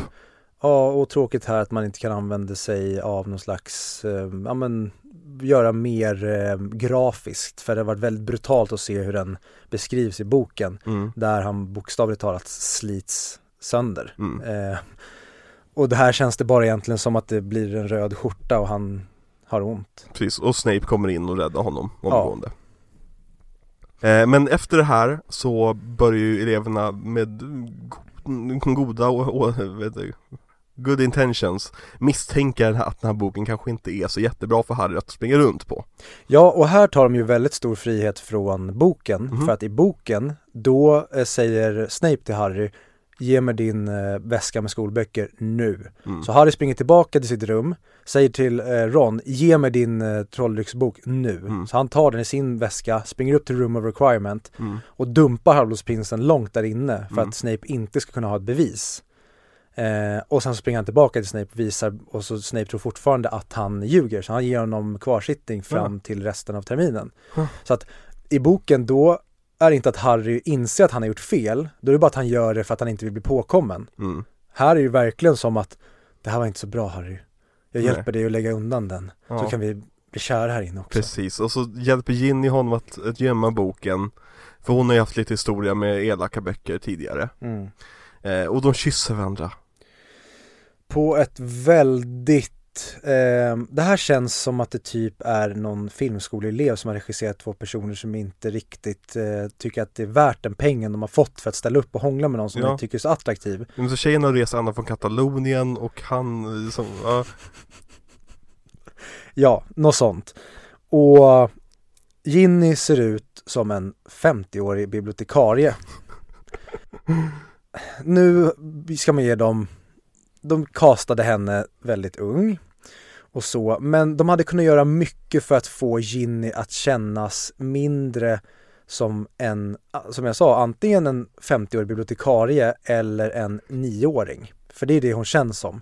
Hon känns inte som en kvinna eller på väg att bli en kvinna som Harry Potter ska tycka var intressant. nej. Hon känns så jävla platt. ja Och hon är inte särskilt bra skådis heller för den Hon delen. är jätte, eller, nej okej hon är inte jättedålig, jag håller med. Hon är ingen bra skådis. Ja. Men Harry bestämmer sig för att ta Felix Felicis Felicis För att få hjälp med att eh, få Slughorns minne helt enkelt. Varför tänkte han inte börja tidigare? Ja det är en jävla bra fråga det Harry.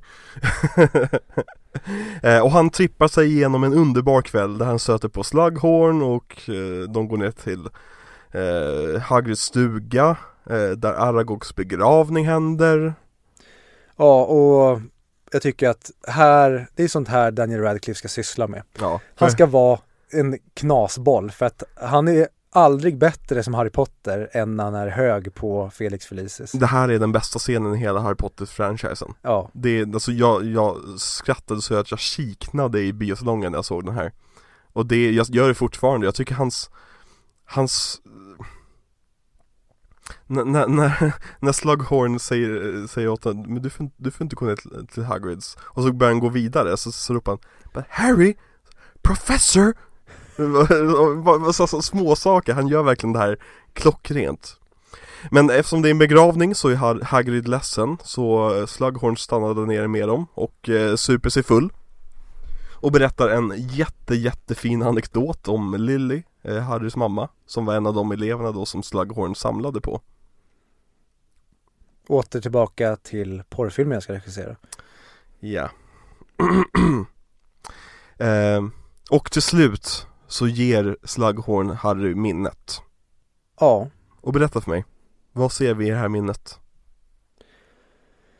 här får vi veta vad horokruxerna är för någonting. Och att man behöver eh, mörda för att man ska kunna skapa en horokrux. För att det innebär att man delar sin själ. Och då säger Tom Dolder, går det här att göra sju gånger? Och då säger han, men herregud Tom, räcker det inte med att mörda en gång, inte det illa nog? Och det är väl det. Det är väldigt spännande Magi Det här med att dela upp sin själ och grejer Men de pratar om att begå sju mord som att det skulle vara typ det är så oförlåtligt att ingen någonsin ens har tank, tänkt tanken så här, Har ni inte haft seriemördare tidigare i den här världen? Verkligen, och då skulle jag i så fall lägga fokus på att det är delen att du liksom delar din själ. Ja, att det är det, som är svårt, men de fokuserar verkligen på mördandet Ja, i, i förklaringen precis. eh, Ja, så det är i alla fall, det här ger ju Dumbledore Det ger honom egentligen eh, bekräftelse på hans teorier han har haft. Exakt, ja, exakt. En bekräftelse om att Voldemort har skapat horcruxer och han har inte bara skapat en utan han har skapat sju styckna. Men i boken så har han bara gjort sex, vad de vet. För att den sjunde vet han inte om att han har gjort. Fast inte det är jättemärkligt. För vi har ju helt enkelt jagat sju horcruxer. Det här måste vi, det, vi reder ut det när vi kommer till Deathly Hallows. Okej. Eh, men Harry har redan tagit, eh, haft ihjäl en, det är ju dagboken. Mm. Eh, och Dumbledore har lyckats på egen hand ta en, och det är ringen som gjorde hans hand svart. Mm. Så Harry och Dumbledore eh, åker iväg till en grotta där Dumbledore misstänker att en till horcrux finns. Ja, och i boken då är det faktiskt så att Harry frågar om han följa med. Det är inte så att Dumbledore ber honom följa med. Mhm. Utan Harry frågar om jag kan få göra det och blir förvånad när Dumbledore säger ja, det får du göra. Manipulation. Verkligen. Ja men de hittar den här grottan då, eh, där en medaljong finns och eh, Dumbledore super sig full. Och sen är filmen slut. Ja, men typ praktiskt taget. Nej men det, vi har ju en lång sekvens egentligen. Det här, det här sekvensen tar upp jättelång tid i filmen. Där de ska åka över vattnet och de ska eh, få tag på medaljongen och sen på vägen tillbaka Då kommer massa, massa zombies upp i vattnet. Bara, jag gillar en cool eh, shot när de står på den här klippan och ser grottan. Mm. Eh, I boken så är det så att de kommer ju ovanifrån eller från, de är vid land och simmar in i grottan. Mm. Och Dumbledore simmar med sin trollstav i munnen vilket är en, en rolig syn att tänka på. Men jag gillar verkligen det här med att det försvinner ljus och att du måste offra blod och Mm. jag tycker det är väldigt snyggt när de väl kommer in i grottan att det blir praktiskt taget svartvitt. Mm. Tycker jag är gorgeous. Men att de börjar det här uppe i det här astronomitornet det gillar jag inte alls. Ehm, de får gärna komma tillbaka dit. För det gör de i boken. Mhm. Men eh, vi kommer dit. Men de är ju i astronomitornet innan de drar. Men jag gillar även när de, eh, när han drar till sig kedjan. För det finns, idag när CGI gör så tycker jag ofta att allting är för rörligt. Jag gillar den sekvensen att den blir nästan, den kommer som i ett, ett blixtnedslag, att den bara flyger upp i hans hand. Mm. Så att det blir som nästan, det är för stelt och för snabbt. Vi visar inte effekten. Nej. Utan den bara svingas upp i hans hand. Jag gillar sån CGI när du inte behöver visa kedjan hur bra den är gjord. Utan han bara Nej. suger upp den och så har han den i handen helt plötsligt. Han drar upp båten och de åker över. Och jag, framförallt tyckte det var så nice att se den sekvensen i och med att omslaget är den bilden Ja. i, på den svenska boken. Men jag gillar verkligen att se, sen tycker jag det är synd för man hade verkligen kunnat dra ut på hela processen med att när Dumbledore blir svag. Mm. Jag gillar den med att när han säger att han vill dö och att han inte vill mer, att Harry måste tvinga i honom. Precis, han behöver ropa på Aberforth och grejer. Ja men han börjar verkligen säga förlåt mig, förlåt mig, det var mitt fel och så här bara jag vill dö, jag vill dö. Mm. Och det har varit så coolt att verkligen se honom eh, ligga där en stund och åma sig och verkligen se Dumbledore som såhär, uff, det här är en tragisk syn från att ha sett den här i första filmerna Untouchable trollkarlen. Ja precis, jo men det är verkligen att se ens föräldrar dö liksom, eller att, liksom, att se dem inte längre vara superhjältar Precis, och se någon svag som man trott var skottsäker tidigare. Exakt, exakt. Och det tycker jag är synd för att filmen har gått så långsamt fram Mm. att nu känns det plötsligt som att det går för fort här. Ja. Att man kanske hade kunnat dra igång det här tidigare då och klippa ner tidigare delar med de här kärleksbitarna. Mm. Och det är också väldigt häftigt när Dumbledore drar igång sin eldvirvel och färgen kommer tillbaka till, till filmen Ja, det är så jävla gorgeous när eh, Harry blir neddragen mm. och vi får se bara hur det flamar upp och tillbaka till, alltså som i femman i fighten mellan Voldemort och Dumbledore, Mm. hur snyggt det är. Men bara som att, det känns som att han verkligen drar Mm. elden, det väger Han någonting. är bra skådis i det här med att det, som, det känns som att magin har en fysiskhet Mm. Ja men jag tycker Michael Gambone är nästan Det finns ju MVPs i varje film men han är alltid topp av alltså allting. Han, Precis. gör, han, han förstår verkligen världen och Dumbledore. Även i fyran där han liksom skriker och har sig så tycker jag att han är Oh ja, Han är så jävla bra i Dumbledore-rollen. jag håller med dig Eh, men ja, och sen så egentligen, ja, det, separatar dem och kommer till astronomitornet. Japp, Väldigt synd tycker jag för att det är så jäkla coolt i eh, boken för då måste de ta sig utanför Hogwarts skyddsgräns, Mhm. alltså ner till Hogsmeade. Och när de kommer tillbaka till Hogsmeade och Dumbledore är svag, mm. då ser de mörkrets märke på slottet. Och det har varit så jäkla häftigt att se att de kommer tillbaka och man bara Fuck! Och nu kommer jag till min största kritik till eller kanske inte den största kritiken, men det jag tycker är så synd med den här filmen Det är att här får vi ju den episka fighten på Hogwarts när Ja. dödsätarna kommit in och de måste försvara slottet Det har varit så jävla ballt att se där de har dragit in taket och både Auroror och de duktiga Dumbledores armé Mm. eh, fightas mot de här ja, men, de onda krigarna. Ja men precis, så Bill introduceras där och blir varulv, eller attackerad av en varulv snarare eh, och, och grejer Men i, i, i filmen så har Draco i alla fall jobbat på sitt skåp Och kan nu transportera in dödsätarna Ja, Ja. och det är det han har gjort. Och det hade varit så himla coolt och att om vi får inte se att han har släppt in dem i slottet. Utan vi får bara höra det sen från dem utan vi är mitt i fighten. Mm. och da, eh, Albus och Harry kommer på kvastar. De flyger upp i astronomitornet på kvastar i Mm. boken. Och där sker det här. Men Mm. där klipper man så himla mycket. Och där tycker jag är synd att, ja men klipp tidigare i filmen, plocka bort tidigare fett som har varit. Precis. För det är den här delen som är en av, de- ja men jag skulle säga en av de mest episka i hela bokserien. Ja. Det här slutet.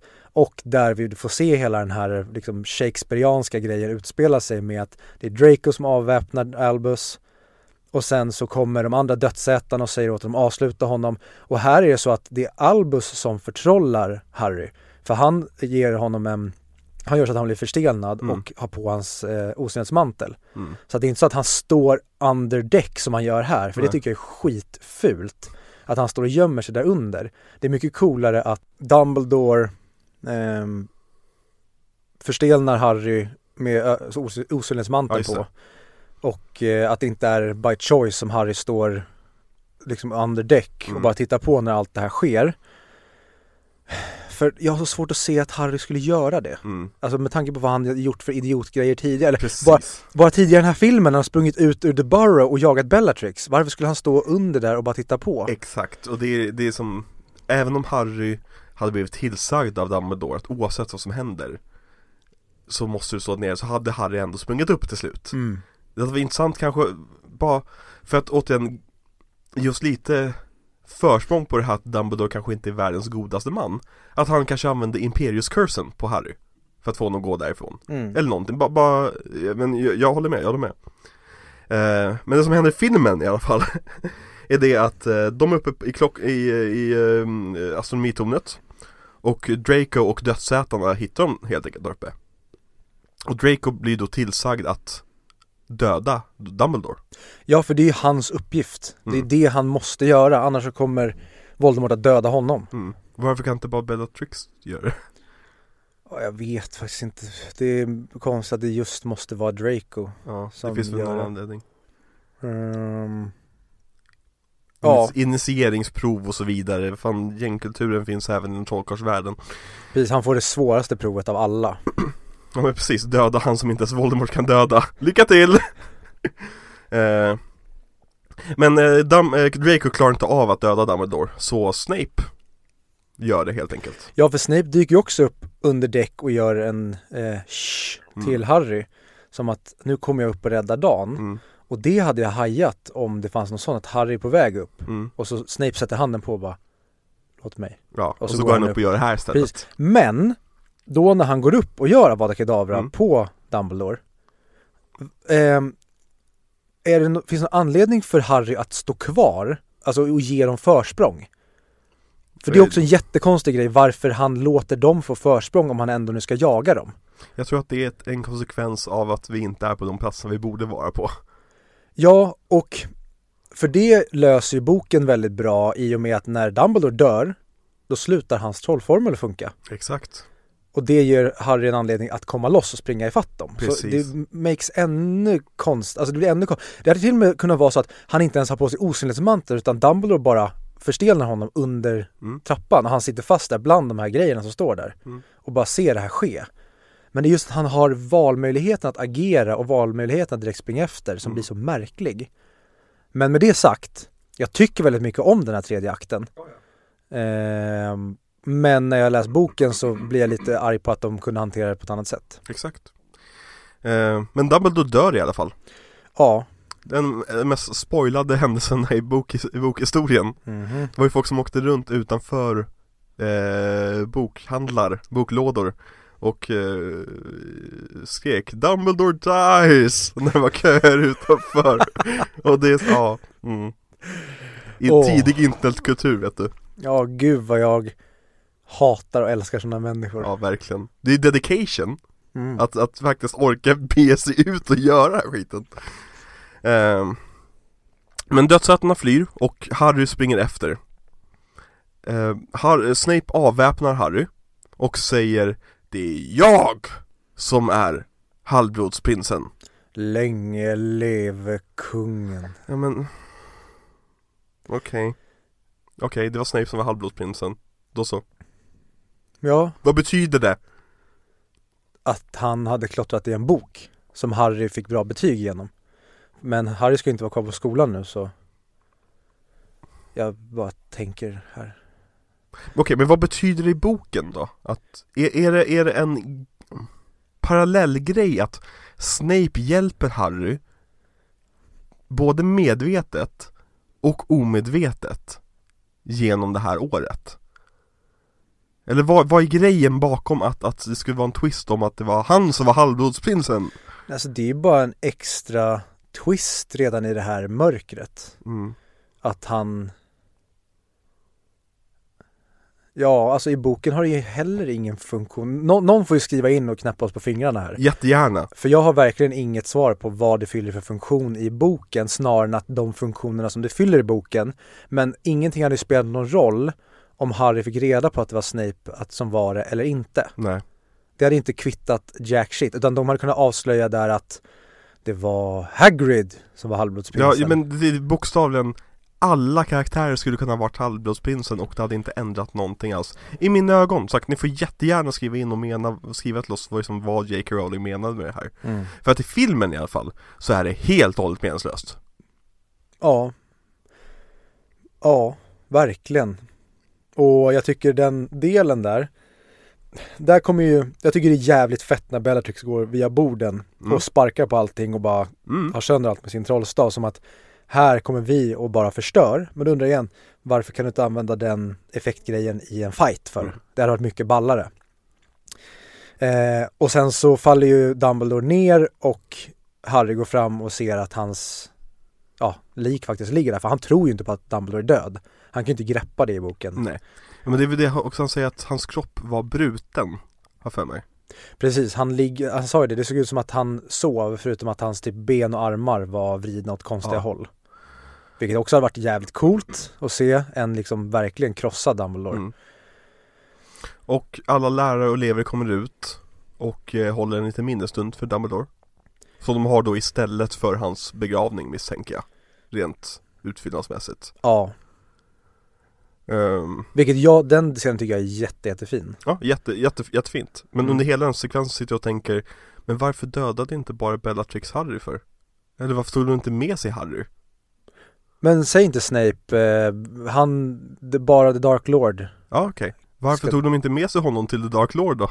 De är ensam med Harry Verkligen. I boken har jag för mig att, för att Hagrid är med där. Ja, Eh, och de försöker för att, i den så råkar de sätta eld på Hagrids stuga. Det är inte Bellatrix som gör det och sen hoppar som att hon har vunnit någonting.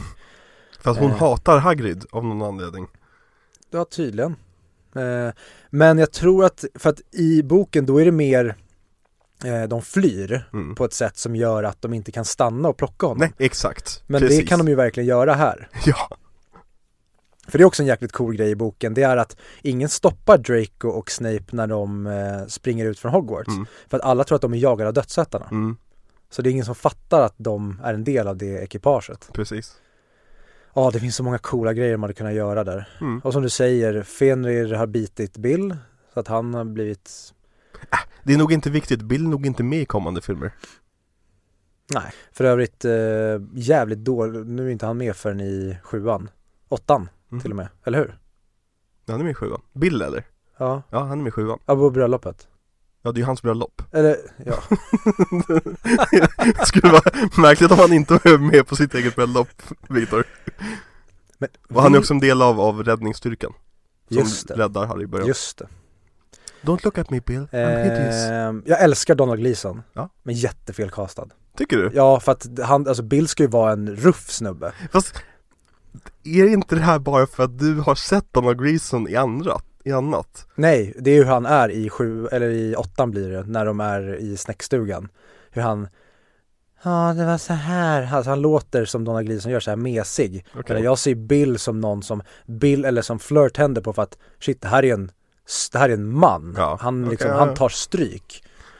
Han är inte med i, i den här filmen, eh, så, så det spelar ingen roll. Nej och den gre- grejen, sure, klipp bort den, men ge mig the big battle of Hogwarts och se när lärare och elever försvarar skolan mot dem och de misslyckas. De Mm. lyckas döda deras ledare och sen fly. Det hade varit så otroligt mycket mörkare att börja sjuan då. Japp. Och det absolut sista som händer i filmen är att Daniel Radcliffe ser full ut. Eh, och de står och eh, de pratar om medaljongen, för det visar sig att medaljongen var fake. Och i den ligger en liten lapp signerad RAB. Ja, Och det är det. ja precis. Det är det. Och man känner sig väldigt dissatisfied här. Mm. Det hade kunnat bli så episkt just med Dumbledores död och introducerandet av horocruxerna och utvidgandet av världen på det här sättet och Malfoy är tillbaka som skurk på riktigt och faktiskt har någonting att göra Fast så slösar de det på att han sitter och bygger sitt skåp hela filmen och är med i typ 10 minuter på slutet Ja, och här kan jag störa mig på en grej att Hermione och Harry står och pratar och Mm. Ron sitter i bakgrunden. mm. Att, Och kommer fram och ställer sig mellan de två Om det betyder någonting, vet jag inte ja, det är ju att han är på Voldemorts sida. Dun, dun, dun. Nej, men det är synd att varför kan inte han stå med dem och vara en del av det här? Som att nu är det de tre som kommer ge sig ut på någonting. Mm. Det blir hela tiden som att det är Harry och Hermione och Ron bara sitter och chillar i bakgrunden. Det är Alltså, kanske det som är grejen med Ron i slutändan, varför han lackar i nästa film och så vidare. ja, men där, där blir det ju som att eh, han har de här tankarna att han inte duger till. Mm. Men Ron är ju faktiskt eh, en, han har många hjältemoments som han Mm. inte får i filmerna. Där han blir den här, men nästan idag, eller i den här filmen är han ju verkligen bara den korkade snubben som blir liksom förgiftad och fångar klonken med huvudet. Att, Ja men det är verkligen, jag tycker de, de gör Ron väldigt korkad när de inte vet vad de ska göra av Ron. Det känns som de gör med Buzz Lightyear sent Ja, i har- eh. Star Wars, eller Star Wars, i Toy Ja, Story-franchisen. en franchise. Oh. Ja, Toy Story hade varit Det är nice bara att köra. fyra filmer också. Mm. Vi satt och, medan vi käkade lite, lite Jets Burgers från Trollbäcken centrum. Eh, så, så diskuterade vi vilka franchises vi vill köra efter vi nu kör vi Harry Potter och sen kommer vi köra en regissör men sen så ska vi ge oss på en jäkla mastodont-franchise tänkte vi Och vad vi ska göra då efter det, och då tänker vi Toy Story skulle vara nog jätteintressant Men eh, skriv gärna, jättegärna in till oss och, alltså med förslag på vad ni vill att vi ska täcka. För ingenting liksom är satt i sten. Nej, verkligen inte. Eh, nej men Ron, hur han som blir en bumbling idiot så fort de inte vet vad de ska göra av honom. Det tycker jag är synd, för att det är en väldigt intressant karaktär och jag tycker han funkar så bra i de två första. Men han är grym som ehm, den jobbiga jäveln som säger men tänk på det här då. Alltså i och med att han är en lat jävel som inte riktigt kanske vill söka äventyr lika mycket som framförallt Harry Mm. så är det skitbra att ha honom som den här som ställer kanske de dumma frågorna eller kanske problematiserar saker. Men inte ens det gör han till slut utan i den här då är han bara kåtran som spelar quidditch. Ja, och det var väl det om den filmen Vad, eh, vem skulle du säga är MVP i den här filmen? Ehm, Lavender Brown, eller hur? ja men behöver man ens säga att hon är det? Nej. Hon är ju överlägset bäst. Nej men jag tycker Michael Gambone är Ja. bäst. Men det är också för att jag tycker inte att någon är bäst. Jag tycker att alla gör det de ska. Mm. Alltså egentligen den här filmen är ganska mycket axelryckning förutom tredje akten. Men jag tycker fortfarande att den är mycket bättre än femman. Ja, För att när den inte försöker och liksom, när den inte gör bort sig inom citationstecken som jag tycker femman kanske gör. Då tycker jag att så här, ja fan, jo men den här är också tajtare Den är inte lika plottrig som femman nej. Fast den har samma problem Men det känns inte som att summan av problemen blir samma slutgiltiga sak Håller med. Ehm, Ja Så vad ger den för betyg? Jag satte en sju av 10 på den för jag tyckte vä- väldigt mycket om den och framförallt mörkret i den. Mm. Men nu vill jag nog ändå dra ner den till en sexa. Jag tycker att den är bra, Mm. men inte mer än så. Jag satte en Eh. trea på den Eller alltså av, av fem Ja, ja, men jag är nog också där nu. Den har fallit nu när vi har pratat om den. Jag tyckte mer om den direkt efter. Mm. Men det är också bara för att den var så himla mycket mindre dålig än femman. Mm. Så det var skönt att se att David Yates hade skärpt till sig. Ja. Och jag tycker även den här musik som jag tycker om, det är första gången, tror jag, typ sen trean, som jag tänker på musiken. Mm. Det gjorde jag inte i fyran och femman. Mm. Och, eh, den Den här har väldigt mycket i detaljerna också Sånt som inte man riktigt kan sitta och prata om Typ Det finns en tagning när Man åker igenom hela Hogwarts och så slutar det på Draco som står ensam Uppe upp i astronomitornet mm. Och bara kollar ut och liksom har ångest Och det är mycket sådana moments i den här filmen som bara sätter en stämning på slottet Som jag tycker är Jävlar, sorry. Står du på fotboll för? Varför stängs inte ljudet av för? Jag ska sätta på fotboll här men jag vet inte varför den satte igång mitt ljud. Så. Sorry for the interruption. Så.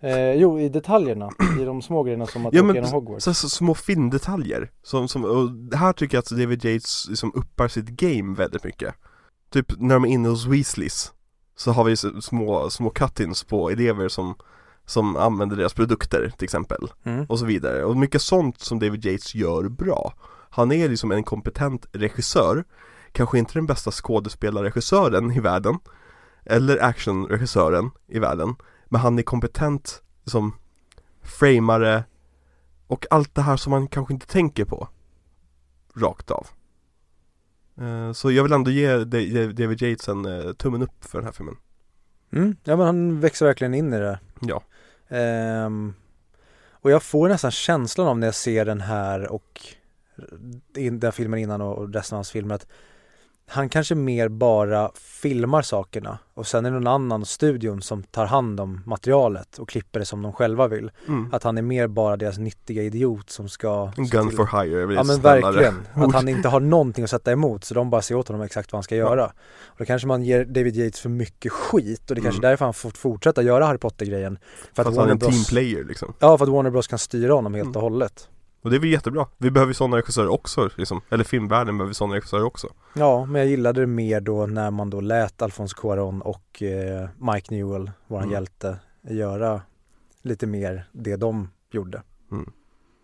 Ja, Så ja, var eh, landar man i det här? Det, det hade verkligen kunnat kännas wow, nu ska vi in i slutfasen här. Mm. Vi ska inte tillbaka till Hogwarts. Nu ska vi jaga horocruxer. Alltså tänk, nu är det jämföra med den bästa filmen som gjorts, men känslan man får i slutet på Härskaringen när liksom, Let's hunt some ork. ja, Tänk att sikta på den känslan här att så här, shit, saker är mörka, ja men hoppet finns där. Ja men det är det, jag tycker det är det de försöker göra, lägga in på slutet Med att de står där uppe alla tre Men de lyckas inte få till hoppet där.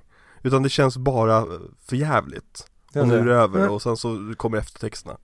Ja, sen, få, sen får vi i och för sig ehm, Tänkte jag säga, men det är nästa film där vi får efter creditscenen nästan. Den får vi inte nu. Jag tänkte bara på att det var Dumbledores grav. Jaha du menar det, ah, okej, ja, nej, det, det kommer ju inte nu. Precis. Ja.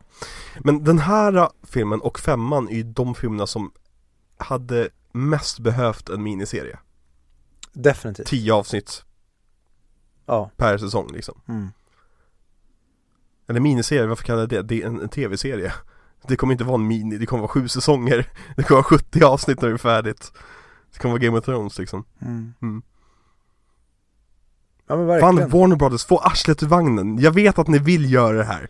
Ni sitter på IPn Ni vill göra det här. Klipp eh, Fantastic Beasts nu och bara satt, reboota skiten. Alla kommer vilja se det. Cut your losses, precis, det kommer Gör ni det med känsla och kärlek och respektera materialet Så kommer det bli en succé på samma nivå som Game of Thrones.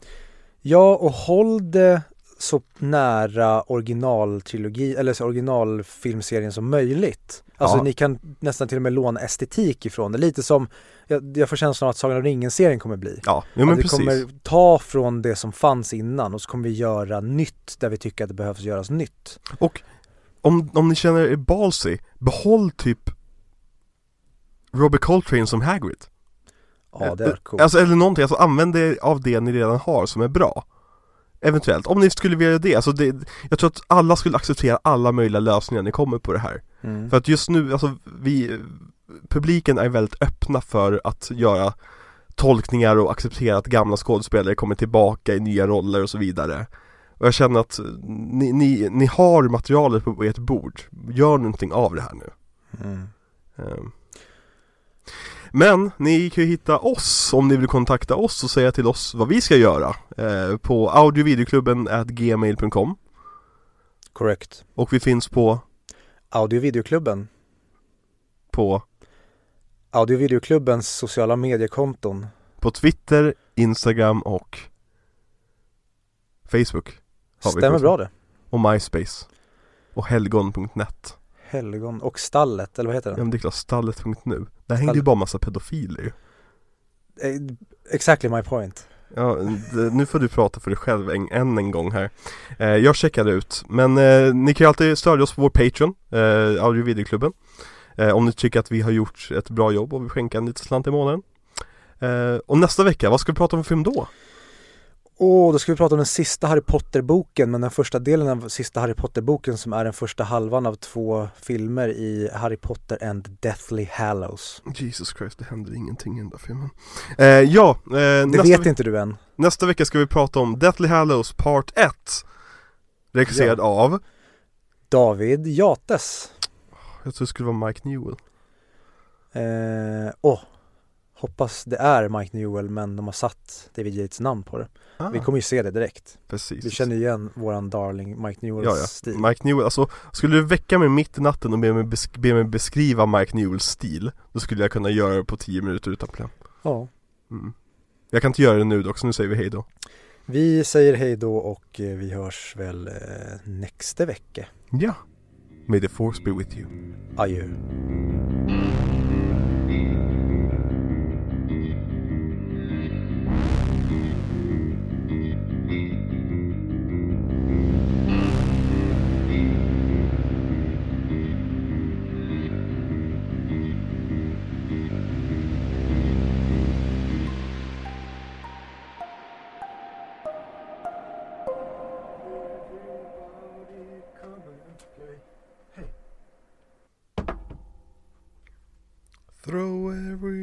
Scare away. Let's go to the mall today.